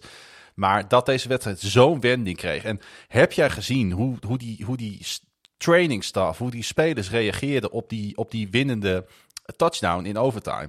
Ja, alsof de Super Bowl binnen was. Nee, maar daaraan zie je dus ook wat een druk heeft er op die Cardinals gezeten. Hè? Ja, natuurlijk. Die, ze hebben, ja. die, die, ze hebben zo onder vuur gelegen. En... Ja, dat, dat, dat klopt. En, je, en, en de manier waarop zo'n overwinning dan tot stand komt. Um, ja, dat is ongekend. 20-0 achter.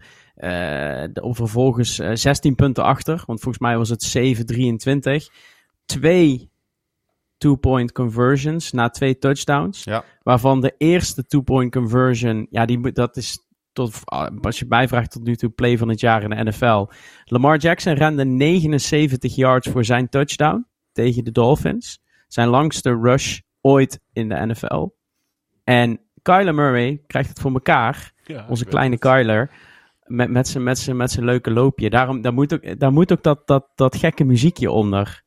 Je snapt wel wat ik bedoel, toch? Dat, dat, dat, dat blooper uh, home video uh, uh, muziekje. Die zal er vast wel ergens zijn. Maar die krijgt voor elkaar om 84 yards te rennen op een two-point conversion. En hem dan te maken. Ja, dat is echt briljant. En vervolgens gooit hij op het moment dat de klok expired. Gooit hij nog een touchdown. En dan vervolgens moet hij weer een two-point conversion maken. En dan, ja, dan gooit hij hem echt. Hij thread the needle met een paas tussen twee receivers in aan, aan de achterkant van de enzo waar AJ Green hem nog pakt. En dan is het gelijk. En dan denk je, het is momentum voor de Cardinals. Nou, de Cardinals krijgen ook de bal in overtime. En dan gooit um, Murray echt een geweldige paas op Hollywood Brown. Die hem vervolgens laat vallen. Waardoor uh, de, de Cardinals niet converten en de bal over moeten geven aan de uh, Raiders. En de Raiders zijn eigenlijk voor begrippen van Carlson als kicker eigenlijk al een field goal range, maar willen nog een paar yards pakken. En dan is er ergens een een of andere onverlaat die denkt, uh, laten we niet gaan rennen met die bal, maar laten we Carr hem gooien.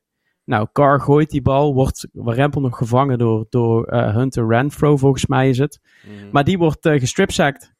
En dan uh, ja, rent uh, Brian, of uh, rent, um, welke speler is het nou? Byron. Byron um, ja, By Byron Murphy Jr. Murphy, ja, Byron Murphy Jr. rent hem terug voor een touchdown.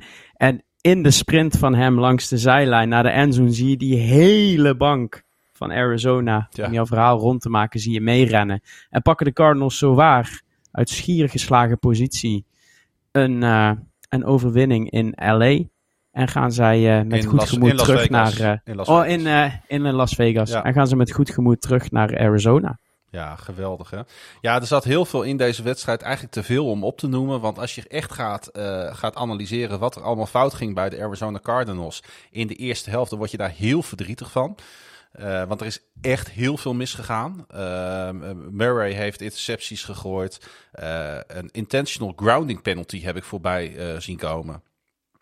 Echt, echt, echt, echt. Nou ja, eh, slechte, slechte kan. Ga kan hem bijna terugkijken. Niet. Ga dit terugkijken. Ga dit Ja, analyseren. dit is, de wed- dit is de wedstrijd. Dit, als je echt NFL-fan bent. En natuurlijk zijn er genoeg mensen die niet alle wedstrijden zien. Dit is de samenvatting die je even moet terugkijken. Ja, weet je, een quarterback die in de eerste helft 53 yards gooit en in de tweede helft 188, dat zegt al genoeg. En eh, ja, dit is ook wat de NFL is, hè. Eh, dat, je, dat je dus altijd, en dat hebben we natuurlijk bij Dolphins en Ravens ook gezien. Dat hebben we natuurlijk ook gezien bij de Jets en de Browns. Dat hebben we ook weer bij deze wedstrijd gezien. Geef nooit op. Het is bijna een soort van parallel voor het leven, of niet? Ja, dat zeg je, zeg je heel mooi. Goed, eh, we hebben even kijken naar het script nog drie wedstrijden te gaan. En de volgende wedstrijd, Falcons at Rams. Ja, rustig blijven. Dat was wat eh, Jalen Ramsey tegen zijn teamgenoten zei toen de Falcons opeens een late ready in elkaar wisten te vlechten tegen de LA Rams. De 72.000 toeschouwers zagen hem een paas onderscheppen van Marcus Mariota, terwijl de Falcons bezig waren met een potentiële go-ahead touchdown. Hij ving de bal in plaats van Brian Edwards. En de Rams behaalden een moeizame overwinning op de door zo laag ingeschalde Atlanta Falcons. Ja, dat vind ik natuurlijk eh, totaal onterecht dat de Atlanta Falcons zo laag worden ingeschaald. Ik had ze ook getipt voor deze wedstrijd. Ja, het is, het is ook dat de Giants de Super Bowl halen, want anders waren het de Falcons. Ook wel weer, Nee. free- ook wel weer freaking knap, hè? Wat, eh, Ja. wat de Falcons. Eh, nou ja, is het, is het, is het, eh, is het knap? Is het, is ja, het freaking ik knap? vind het wel knap Wat- dat, dat, dat jij als Atlanta in het vierde kwart, nadat je 10 schamele punten hebt gescoord, even 17 punten op het bord Klopt. weet te toveren. Wat, nee, maar wat, wat het verhaal van deze wedstrijd is, is dit, de- deze, deze Falcons, die strijden ergens voor. En dat zie je aan alles. Je ziet aan, dat, aan, aan, aan, aan, de, aan, de, aan het team, er gaat heel veel fout. En ze zijn echt geen match voor de, voor de Rams in, in de eerste helft en ook een stuk van het derde kwart. Je ziet gewoon dat als de Rams hun ding doen, dat ze er eigenlijk eh, niet aan te pas komen. Maar er zit iets in het team, en dat zie je ook bij de Lions bijvoorbeeld, daar hadden we het eerder over. Zij geven niet op. En er gaat heel veel fout. En ook met Patterson, en, en, eh, die, die ballen niet vangt. En er is genoeg op aan te merken. Ehm, ze krijgen eh, Pits nog niet aan de praat. Het Ja. komt allemaal neer op, op, op, op eh, Drake London, de, de, de receiver. Ja, en Zacchaeus. Ehm, maar ze eh, geven niet op. En uiteindelijk komen ze dus helemaal terug in die wedstrijd. Ook dit is een samenvatting. Ook dit is een uitslag. Als je de samenvatting kijkt, dan Maar, krijg je pas echt het Frank, verhaal van, van de wedstrijd. Frank, het had zo mooi kunnen zijn. Want, Ja, want, je had ze gecallt, hè? want, ja, maar welke achterstand hadden de Falcons deze wedstrijd? 28 Oh, hadden ze 28-3? 28-3 stonden ze achter. Oh. Atlanta's lead natuurlijk in de 2017 Super Bowl tegen New England. Hè? En stel je nou eens voor als ze van deze van 28-3 terug waren gekomen om deze wedstrijd te winnen, dan hadden ze natuurlijk hun hele eh, Ja. vloek hadden ze in één keer hadden ze natuurlijk van tafel geveegd. Hè? Ja, nou, dat, dat, dat was fantastisch geweest. En ze waren er ook bijna. Ehm, maar de Rams, ja, Ramsey, eh, Ramsey beslist uiteindelijk die wedstrijd. En de- jullie hadden het vorige week over het gedrag van, ehm, van eh, Mahomes. Ja. Die net als Michael Jordan eigenlijk altijd een soort common enemy zoekt. Iets, iets waar hij zich tegen kan afzetten.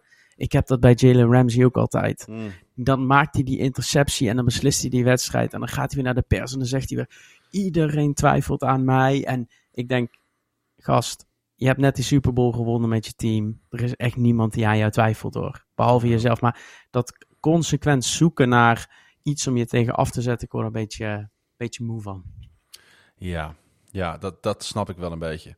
Ja, goed, schijnbaar zijn eh, dit, zijn natuurlijk ook de, wel de, de, de, de, de persoonlijkheden in de NFL. De persoonlijkheden in het team die aan de andere kant natuurlijk ook wel weer met, hun, um, met hun vocale kwaliteiten de rest van het team een beetje op sleeptouw kunnen nemen. Op het moment dat het moet. Hè? Want hij was wel degene die aan de zijlijn, terwijl die Velkens terug aan het kwamen waren, tegen iedereen zei rustig blijven, taak uitvoeren. Wat hebben we afgesproken? Wat hebben we voorbereid? En uiteindelijk maakt hij wel de game-winning pick. Hij maakt het verschil. Maar daarom heeft hij al die poeha niet nodig. Want hij, maakt met, hij doet het met zijn handen. Ja, eens. Matthew Stafford gooide voor 272 yards en drie touchdowns. En Cooper Cup, die had uh, twee touchdown catches voor de Rams. Uh, bounce daarmee toch een beetje terug van die teleurstellende nederlaag tegen de Buffalo Bills in de season opener. Ja. Um, wat dat betreft. En um, ik zag, uh, ja, dat vond ik toch wel jammer. Uh, ik, ik, heb, uh, ik heb niet zoveel papier gezet over deze wedstrijd, maar klopt het dat ik Cordero Patterson een bal zag verliezen? Ja. Ja, dat vond ik ja volgens mij was, werd het een interceptie of een fumble. Of, of ja. Maar het was, het was niet zijn, zijn dag. Nee, um, want hij had een, een hij, hij, um, hij werd gepikt door een rookie cornerback bij de Rams, Kobe Durant.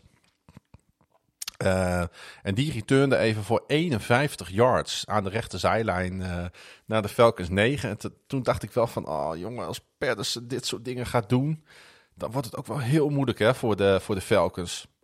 Ja, dat klopt. Ja. Dat klopt. Nou, het was allemaal, ja, het, het, als ik aan jou moet vragen, zijn, zijn de Rams nu wel of niet uh, een, een, team dat de komende weken gaat, uh, gaat meedoen? Of heb je, heb je toch je twijfels? Nou, ik heb wel mijn twijfels, maar ik denk ook dat dit een team is. En dat hebben ze natuurlijk vorig jaar ook. Ze hebben vorig jaar natuurlijk ook een maand gehad waarin ze geen wedstrijd gewonnen hebben. En uiteindelijk wonnen ze de Super Bowl, hè?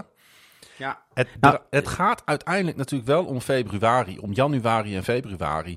En ik vind het eigenlijk helemaal niet erg dat een team als de LA Rams nu af en toe een wedstrijd verspeelt of niet zo goed speelt.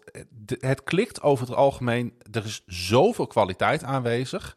En ze moeten ook wennen. Hè? Allen Robertson had nu eindelijk vier uh, catches voor 53 yards. Dus begint ook wat meer betrokken te, te worden bij het spel. Uh, Tyler Higby had een big game. Zeven catches voor 71 yards. Misschien is het ook niet zo raar dat, dat, dat gewoon zo'n team er weer een beetje in moet komen. Nee, dat hoop ik. Ze krijgen de volgende twee weken krijgen, moeten ze on the road naar Arizona en dan on the road naar San Francisco. Um, om vervolgens die Dallas, Dallas defense op bezoek te krijgen. Dus over drie weken weten wij uh, precies waar de LA Rams staan. Ja, interessant inderdaad. En ik vind het ook wel interessant om te kijken wat de Atlanta Falcons gaan doen de komende weken. Zij gaan naar uh, Seattle. Ja, en als, als die connectie... Uh, Mary, Mary, ik vind Mariota gewoon goed spelen. Uh, hij is goed met zijn benen. Hij, hij, de, de, meeste van zijn passes komen aan. Hij heeft natuurlijk Londen tot zijn beschikking. Die weer een goede wedstrijd speelde. Hè? De nummer 8 overall pick. Uh, acht catches voor 86 yards. zijn eerste touchdown gescoord in de derde kwart. Een 4-yard catch van Mariota. Waardoor die comeback, 28, het werd toen van 28-3, werd het 28-10, zich begon um, aan, te, aan te tekenen. Hoe noem je dat? begon zich, begon zich te ontwikkelen. Um, dus ja, ik ben ook benieuwd wat, uh, wat Atlanta... Ik, uh, ik, ik weet niet hoe en met wie ik de voorspellingspodcast ga opnemen. Maar ik kan je nu al vertellen dat ik daar weer voor Atlanta ga. Ja, perfect. Ik kan donderdagavond wel, heb ik wel tijd. Dus als het moet, dan doe ik de voorspellingspodcast ook met jou. Ah, top. Ja, zelden ging het na afloop van een wedstrijd zo weinig over de uitslag. De Saints en Tom Brady dat is niet echt een gelukkige combi. Of, een gift, of het is een, zelfs een giftige cocktail, zo u wilt. Brady gooide gefrustreerd met een tablet en niet veel later kreeg hij het aan de stok met New Orleans quarterback Marshawn Lattimore. Een uh, zogenaamde skirmish volgde en Lattimore en Bucks receiver Mike Evans moesten vertrekken. Iedereen in de war. Maar Brady vond Brashard Perryman of all people en de Bucks wonnen met 20-10. Het was moeizaam, het was emotioneel. Het was Buccaneers tegen de Saints. Had jij dat ook toen je dit terug zat te kijken? Dat je dacht van ja, dit is Buccaneers Saints? Ja, ik heb uh, in één Fantasy League, daar zit je ook in. Daar mag ik dus alleen maar spelers van de NFC South kiezen. En iedere keer als deze wedstrijd zit, dan trap ik er toch weer in om spelers op dat, veld, op het veld te zetten die in deze wedstrijd zitten. Maar er gebeurt altijd heel veel. Maar het heeft nooit met heel veel punten en heel veel touchdowns te maken. En deze past weer perfect in het rijtje. Met de grote uitzondering dat Brady hem dit keer wel wist, wist te winnen. ja, dus het, het, het, ja, het was een. het, Brady maakt uiteindelijk ook het verschil. Als je er echt naar kijkt. En hij, hij was gefrustreerd. Nou, ja, als Brady... Hoe, kan dat? dat? Dat de speler van zijn statuur, van zijn allure, met alles wat hij heeft meegemaakt, zich zo, uh, zo laat gaan bij een incomplete pass? Ja, nou, we weten, we weten allemaal, we weten allemaal dat er bij Brady op dit moment uh, op de achtergrond ook persoonlijk wat dingen spelen. Ja. Uh, huwelijkscrisis is het, is, is, zijn de geruchten. Ehm, ja, en dan, dan kunnen er dingen, dan, dan kunnen er dingen gebeuren. Hij, hij begon ook die hele, die hele schermutseling, of die, die, die skirmish zoals jij het uh, jij noemt. Um, en dat, dat, dat zijn we niet van hem gewend. De Saints leken bij hem onder de huid te zitten. Maar hij pakte net op tijd goed. En hij gooide hem inderdaad naar. Ja, we hadden het er zondagavond nog over. In, in de, bij de Dutch Ravens vlog. Dat, dat we allemaal niet wisten of Brashad Perryman überhaupt het roster had gehaald. Nou ja, en waar Rempel uh, scoort de voormalig first round pick van de Baltimore Ravens. Uh, de, eigenlijk de beslissende touchdown. En wordt het uh, eh, 20-10. Wat eigenlijk een high scoring game is voor Bucks Saints de afgelopen jaren. Ja, wat eigenlijk lieten de, de Saints het een beetje op die manier het een beetje gaan. Hè? Want die hadden de Buccaneers, zoals ze dat eigenlijk al jaren doen, hadden ze heel goed in de tang. En dan ontstaat er dus zo'n situatie off the field, zeg maar, off the play. Uh, met, met Lattimore, met Evans, met Fournette die daarbij betrokken was, met Brady die erbij betrokken was. En vervolgens was iedereen erbij betrokken. En uiteindelijk uh, stappen de Box als uh, winnaar van het veld af. En dan denk ik, ja, beste Lattimore, wat heb je er in vredesnaam nou allemaal aan gehad? Nou ja, hij heeft een uh, schorsing volgens mij voor één wedstrijd. Ja, Evans ook trouwens. En, en ja, die ook. Dus ja, Evans ook. Dus Evans mist de wedstrijd tegen de, tegen de Packers. En ik weet dat uh, Godwin ook nog niet fit is. Dus uh, Brady zou weer Brady moeten zijn. En die zal weer uh, Jan en Alleman moeten gaan voorzien van de touchdowns. Ja, trouwens wel leuk. Buccaneers tegen de Packers. Als je daar de twee receiving cores op het veld eens tegenover elkaar zet. Nou, dan staan daar toch geen hele grote namen tussen misschien wel zondag. Jij zegt uh, Tom Brady moet Tom Brady dingen doen. Nou, iemand die James Winston dingen deed, was James Winston. Hij gooide een heel mooi bruggetje. Hij gooide even drie intercepties in de laatste twaalf minuten. Jamil Dean maakte de eerste twee picks op een uh, diepe pass die bedoeld was voor die uh, rookie bij de Saints, Chris Olavi, op de goal line. En later uh, returnde safety Mike Edwards ook nog eens even een interceptie. Uh, voor 68 yards voor een touchdown, waardoor het 20-3 werd. En uh, ja, toen zag je toch wel een heel klein glimlachje even bij Tom Brady, die eigenlijk een hele slechte wedstrijd speelde. Was niet goed, heeft maar 18 passes aan laten komen van de 34. Um, ehm, dus ja, dit is gewoon niet zijn wedstrijd, weet je. En als de Buccaneers deze pot in New Orleans pakken, dan is dat zoveel winst voor het seizoen al. Ja, dat is de tiebreaker voorlopig. Uh, ja, dat is en het is gewoon niet hun 2-0 het seizoen beginnen. En we weten allemaal, de Bucks hebben een uh, ontzettend zwaar programma de komende weken. Um, maar ja, van de Panthers en Falcons hebben ze niks te duchten. Uh, de Saints hebben met Winston weer precies de quarterback die, die... Ja, hij gaat weer net zoveel intercepties gooien als touchdowns. Dat kunnen we nu al voorspellen en dat gaat ook gewoon gebeuren. Um, dus ja, het zal van de Saints defense afhangen of het nog een beetje spannend wordt uh, tussen de Bucks en de Saints. Maar ja, de Bucks hebben zelf ook een waanzinnige defense. Ja. Uh, dus ja, ik. Uh, ah, dit is ja, dit, voor, de, voor, voor, voor de divisie is deze uitslag eigenlijk gewoon killing. Ja, dat klopt. Maar aan de andere kant is het ook zo dat je kan deze wedstrijd, als je nou de tempo Buccaneers wil duiden, kun je deze wedstrijd denk ik heel goed buiten de rest van het seizoen zetten. De Buccaneers kunnen hem gewoon nu voorlopig ook vergeten. En kunnen zich nou weer gewoon richten op de normale tegenstanders. Die, waar ze niet uh, de hele wedstrijd ruzie mee gaan uh, staan te maken. Wat, uh, wat zijn de drie defenses nu met de minste punten tegen in de NFL? Weet je, daar ben ik nu naar aan het kijken. Nou, dat moeten sowieso de Buccaneers zijn. Ja, 13. 13 inderdaad, 3 plus 10. En uh, ja, geen idee zeggen maar. De Bills, ja, 17. De Bills. Maar nummer 3 zijn dus de Jaguars met 28. Ja.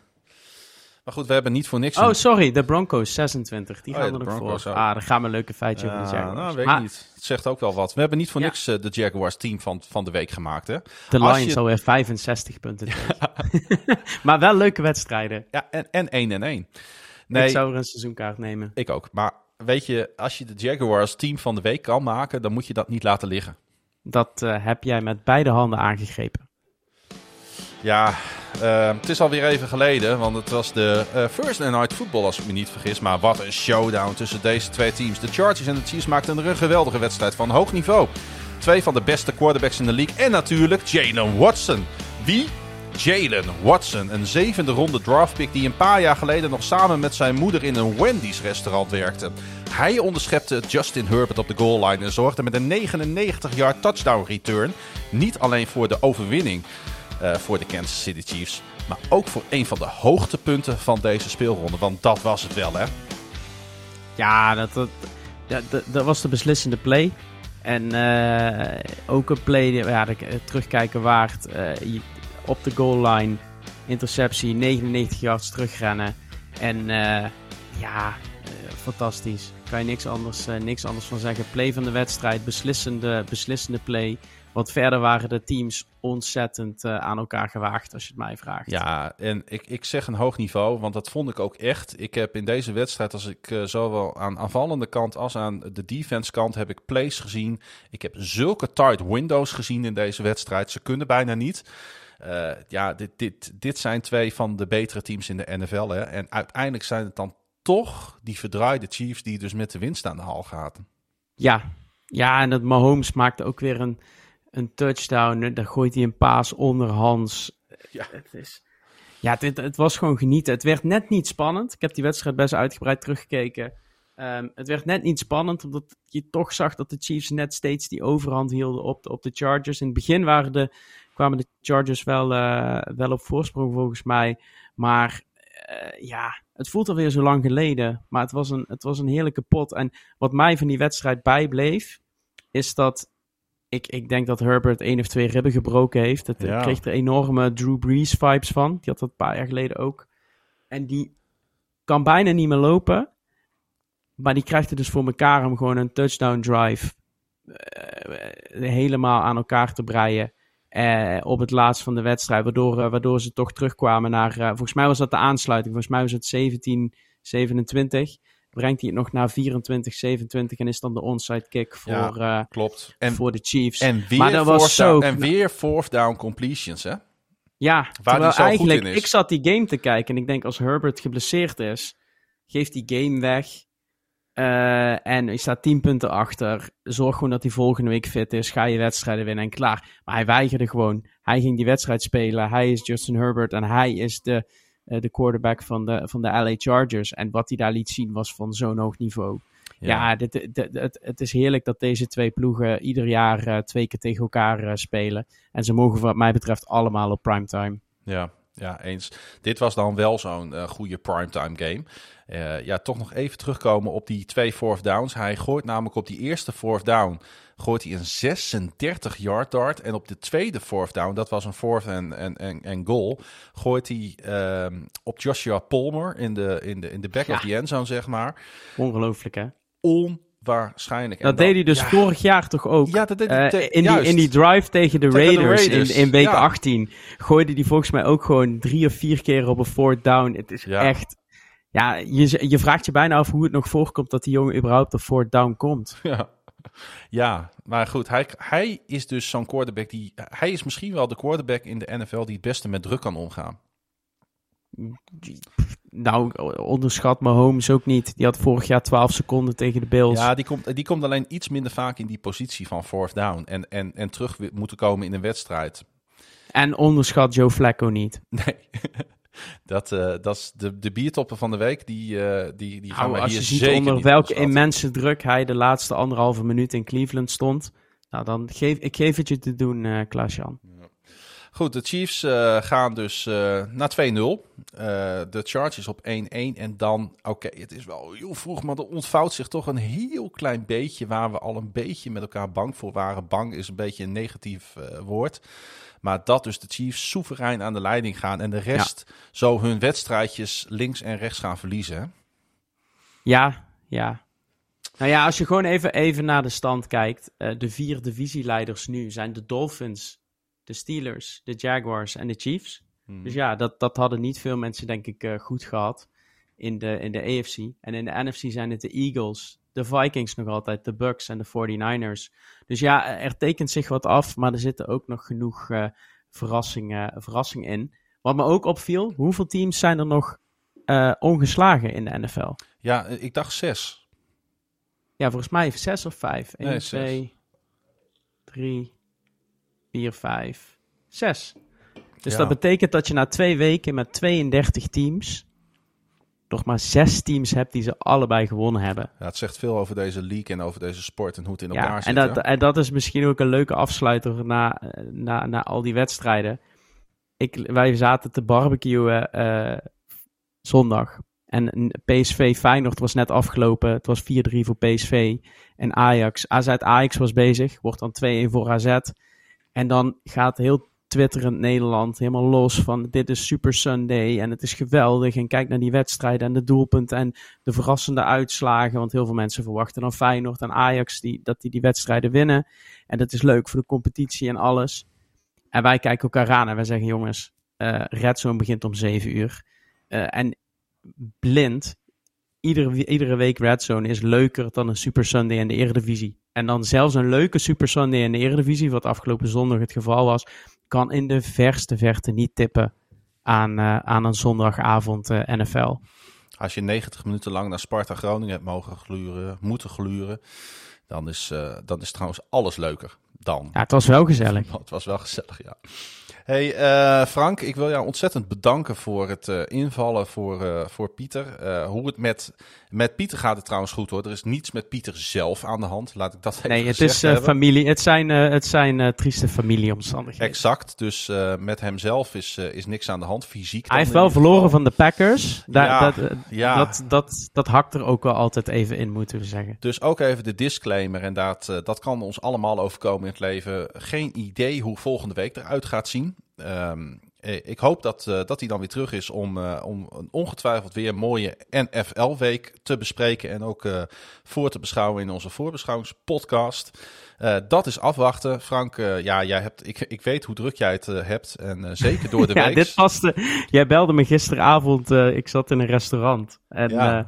mijn lieftallige vrouw, die overigens Dolphins-fan is, dat moeten we wel even erbij zeggen. Dat heb ik nog niet eens genoemd. Dus het is nou, een mooie eerste, eerste maand. Uh, maar uh, nee, ze zat te hopen dat de Ravens won alleen voor de sfeer en de auto terug naar huis. Maar uh, die, die keek me aan en we hadden eindelijk een avond samen vanavond. En ze zei, voor Pietertje moet jij altijd invallen. En ja. dan ben ik, toch, ben ik toch blij dat ik met haar getrouwd ben. Want ik kan me ook voorstellen dat het in de huiselijke sfeer soms anders ontvangen wordt als je weer twee uur NFL zitten kijken gisteravond en van, vanmiddag weer een paar uur. En ja, nou ja, het, het is ook hartstikke leuk om te doen. Dus, uh, en ik hoop dat Pieter er gewoon volgende week weer zit. En anders uh, val ik met liefde in. Tenzij de luisteraars zeggen dat ze mij uh, niet meer willen horen, dan hoor ik dat natuurlijk ook graag. Nou, ik zou zeggen, jongens, als je, als je Twitter hebt of of, of in onze Telegram groep zit. Laat even weten wat je hiervan vond. Of je Frankie dankbaar bent of niet. En uh, wens vooral Pieter even sterkte. En dan, uh, uh, nou, zo leven we ook met elkaar mee. Dat is ook een beetje de community hè, die we bij NFL op woensdag hebben opgebouwd. we leven met elkaar mee en we vinden het super mooi dat, dat er zoveel mensen met ons mee engagen en met ja. ons mee beleven. En ik kan je ook wel zeggen, ik heb ook besloten deze week dat er hoe dan ook deze week of dit jaar nog een event komt. Ik weet nog niet waar. Maar er komt dus weer een moment dat we elkaar kunnen ontmoeten.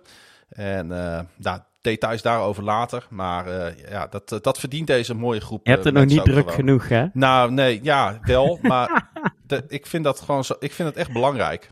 Ja, mooi. Mooi. Ga, dat is zeker. Op hoeveel tijd zitten we om even af te sluiten? Nou ja, jij hoort dat niet, maar het eindbedje loopt. Ja, daarom. Maar hoe, hoeveel zitten we? 2 uur en 17 minuten. Oké, dat is een uur korter dan vorig jaar, vorige, week. Dus uh, Pieter, het kan toch. Zeker als dadelijk de bye week komt, kan hij lekker onder de twee uur. Vinden de luisteraars misschien ook wel fijn. En vooral de, de echtgenotes van de luisteraar. Ja. ja, misschien zijn er ook wel echtgenotes die van de NFL houden. Hè? Nou, nou ga jij een beetje voorbij aan het feit dat wij ook Dat klopt, ik heb er een, hè. Ik heb er een. Die kan prima een Ja, hele wedstrijd en er zijn er meekijken. Ik meerdere. mag niet klagen. Ook uit, eh, ook uit Tilburg. Ja, en ik ken eh, de familie Burger in, eh, in Pijnakker. Die kijken ook altijd met z'n tweeën. Dus dat mooie, mooie dingen. Hey, bedankt. Als mensen jou willen volgen op Twitter, Frank, dan kan dat via. F, laagstreepje metsmakers. Mij kun je volgen via Klaasje Gunders, dubbel A, dubbel S, dubbel N. En Pieter via Darth, laagstreepje Hirdius. En volg ons natuurlijk ook op onze social media kanalen. Wil je met ons engagen, doe dat vooral. Ik ga volgende, voor de volgende aflevering gewoon ook weer even aan jullie vragen waar, eh, waar Ja. jullie eh, van genoten hebben en het over willen En hebben. eh, voor Prinsjesdag updates kunnen ze mij even linken op eh, LinkedIn. Krijgen ze gewoon een flyertje en een samenvatting van wat er allemaal gezegd is. Kijk. En eh, wil je ons steunen? Dat kan natuurlijk ook. Ga dan even naar nflopwoensdag.nl. Dat is onze petje.af pagina. En dan kun je voor een paar tientjes per jaar... eh, word je dan lid, ondersteun je ons, eh, zorgen wij ervoor dat we goede apparatuur en zo in huis hebben. En bijvoorbeeld ook de nieuwe muziekjes, die moest ik ook gewoon allemaal aankopen. Om maar wat te noemen. Ehm, Het zijn mooie muziekjes, ik heb ze niet gehoord, maar ze Nee. waren vast weer eh, het aanluisteren of het aanhoren meer dan waard. hey, ik wil iedereen bedanken voor het luisteren naar eh, deze aflevering van NFL op woensdag. En ik hoop tot volgende week.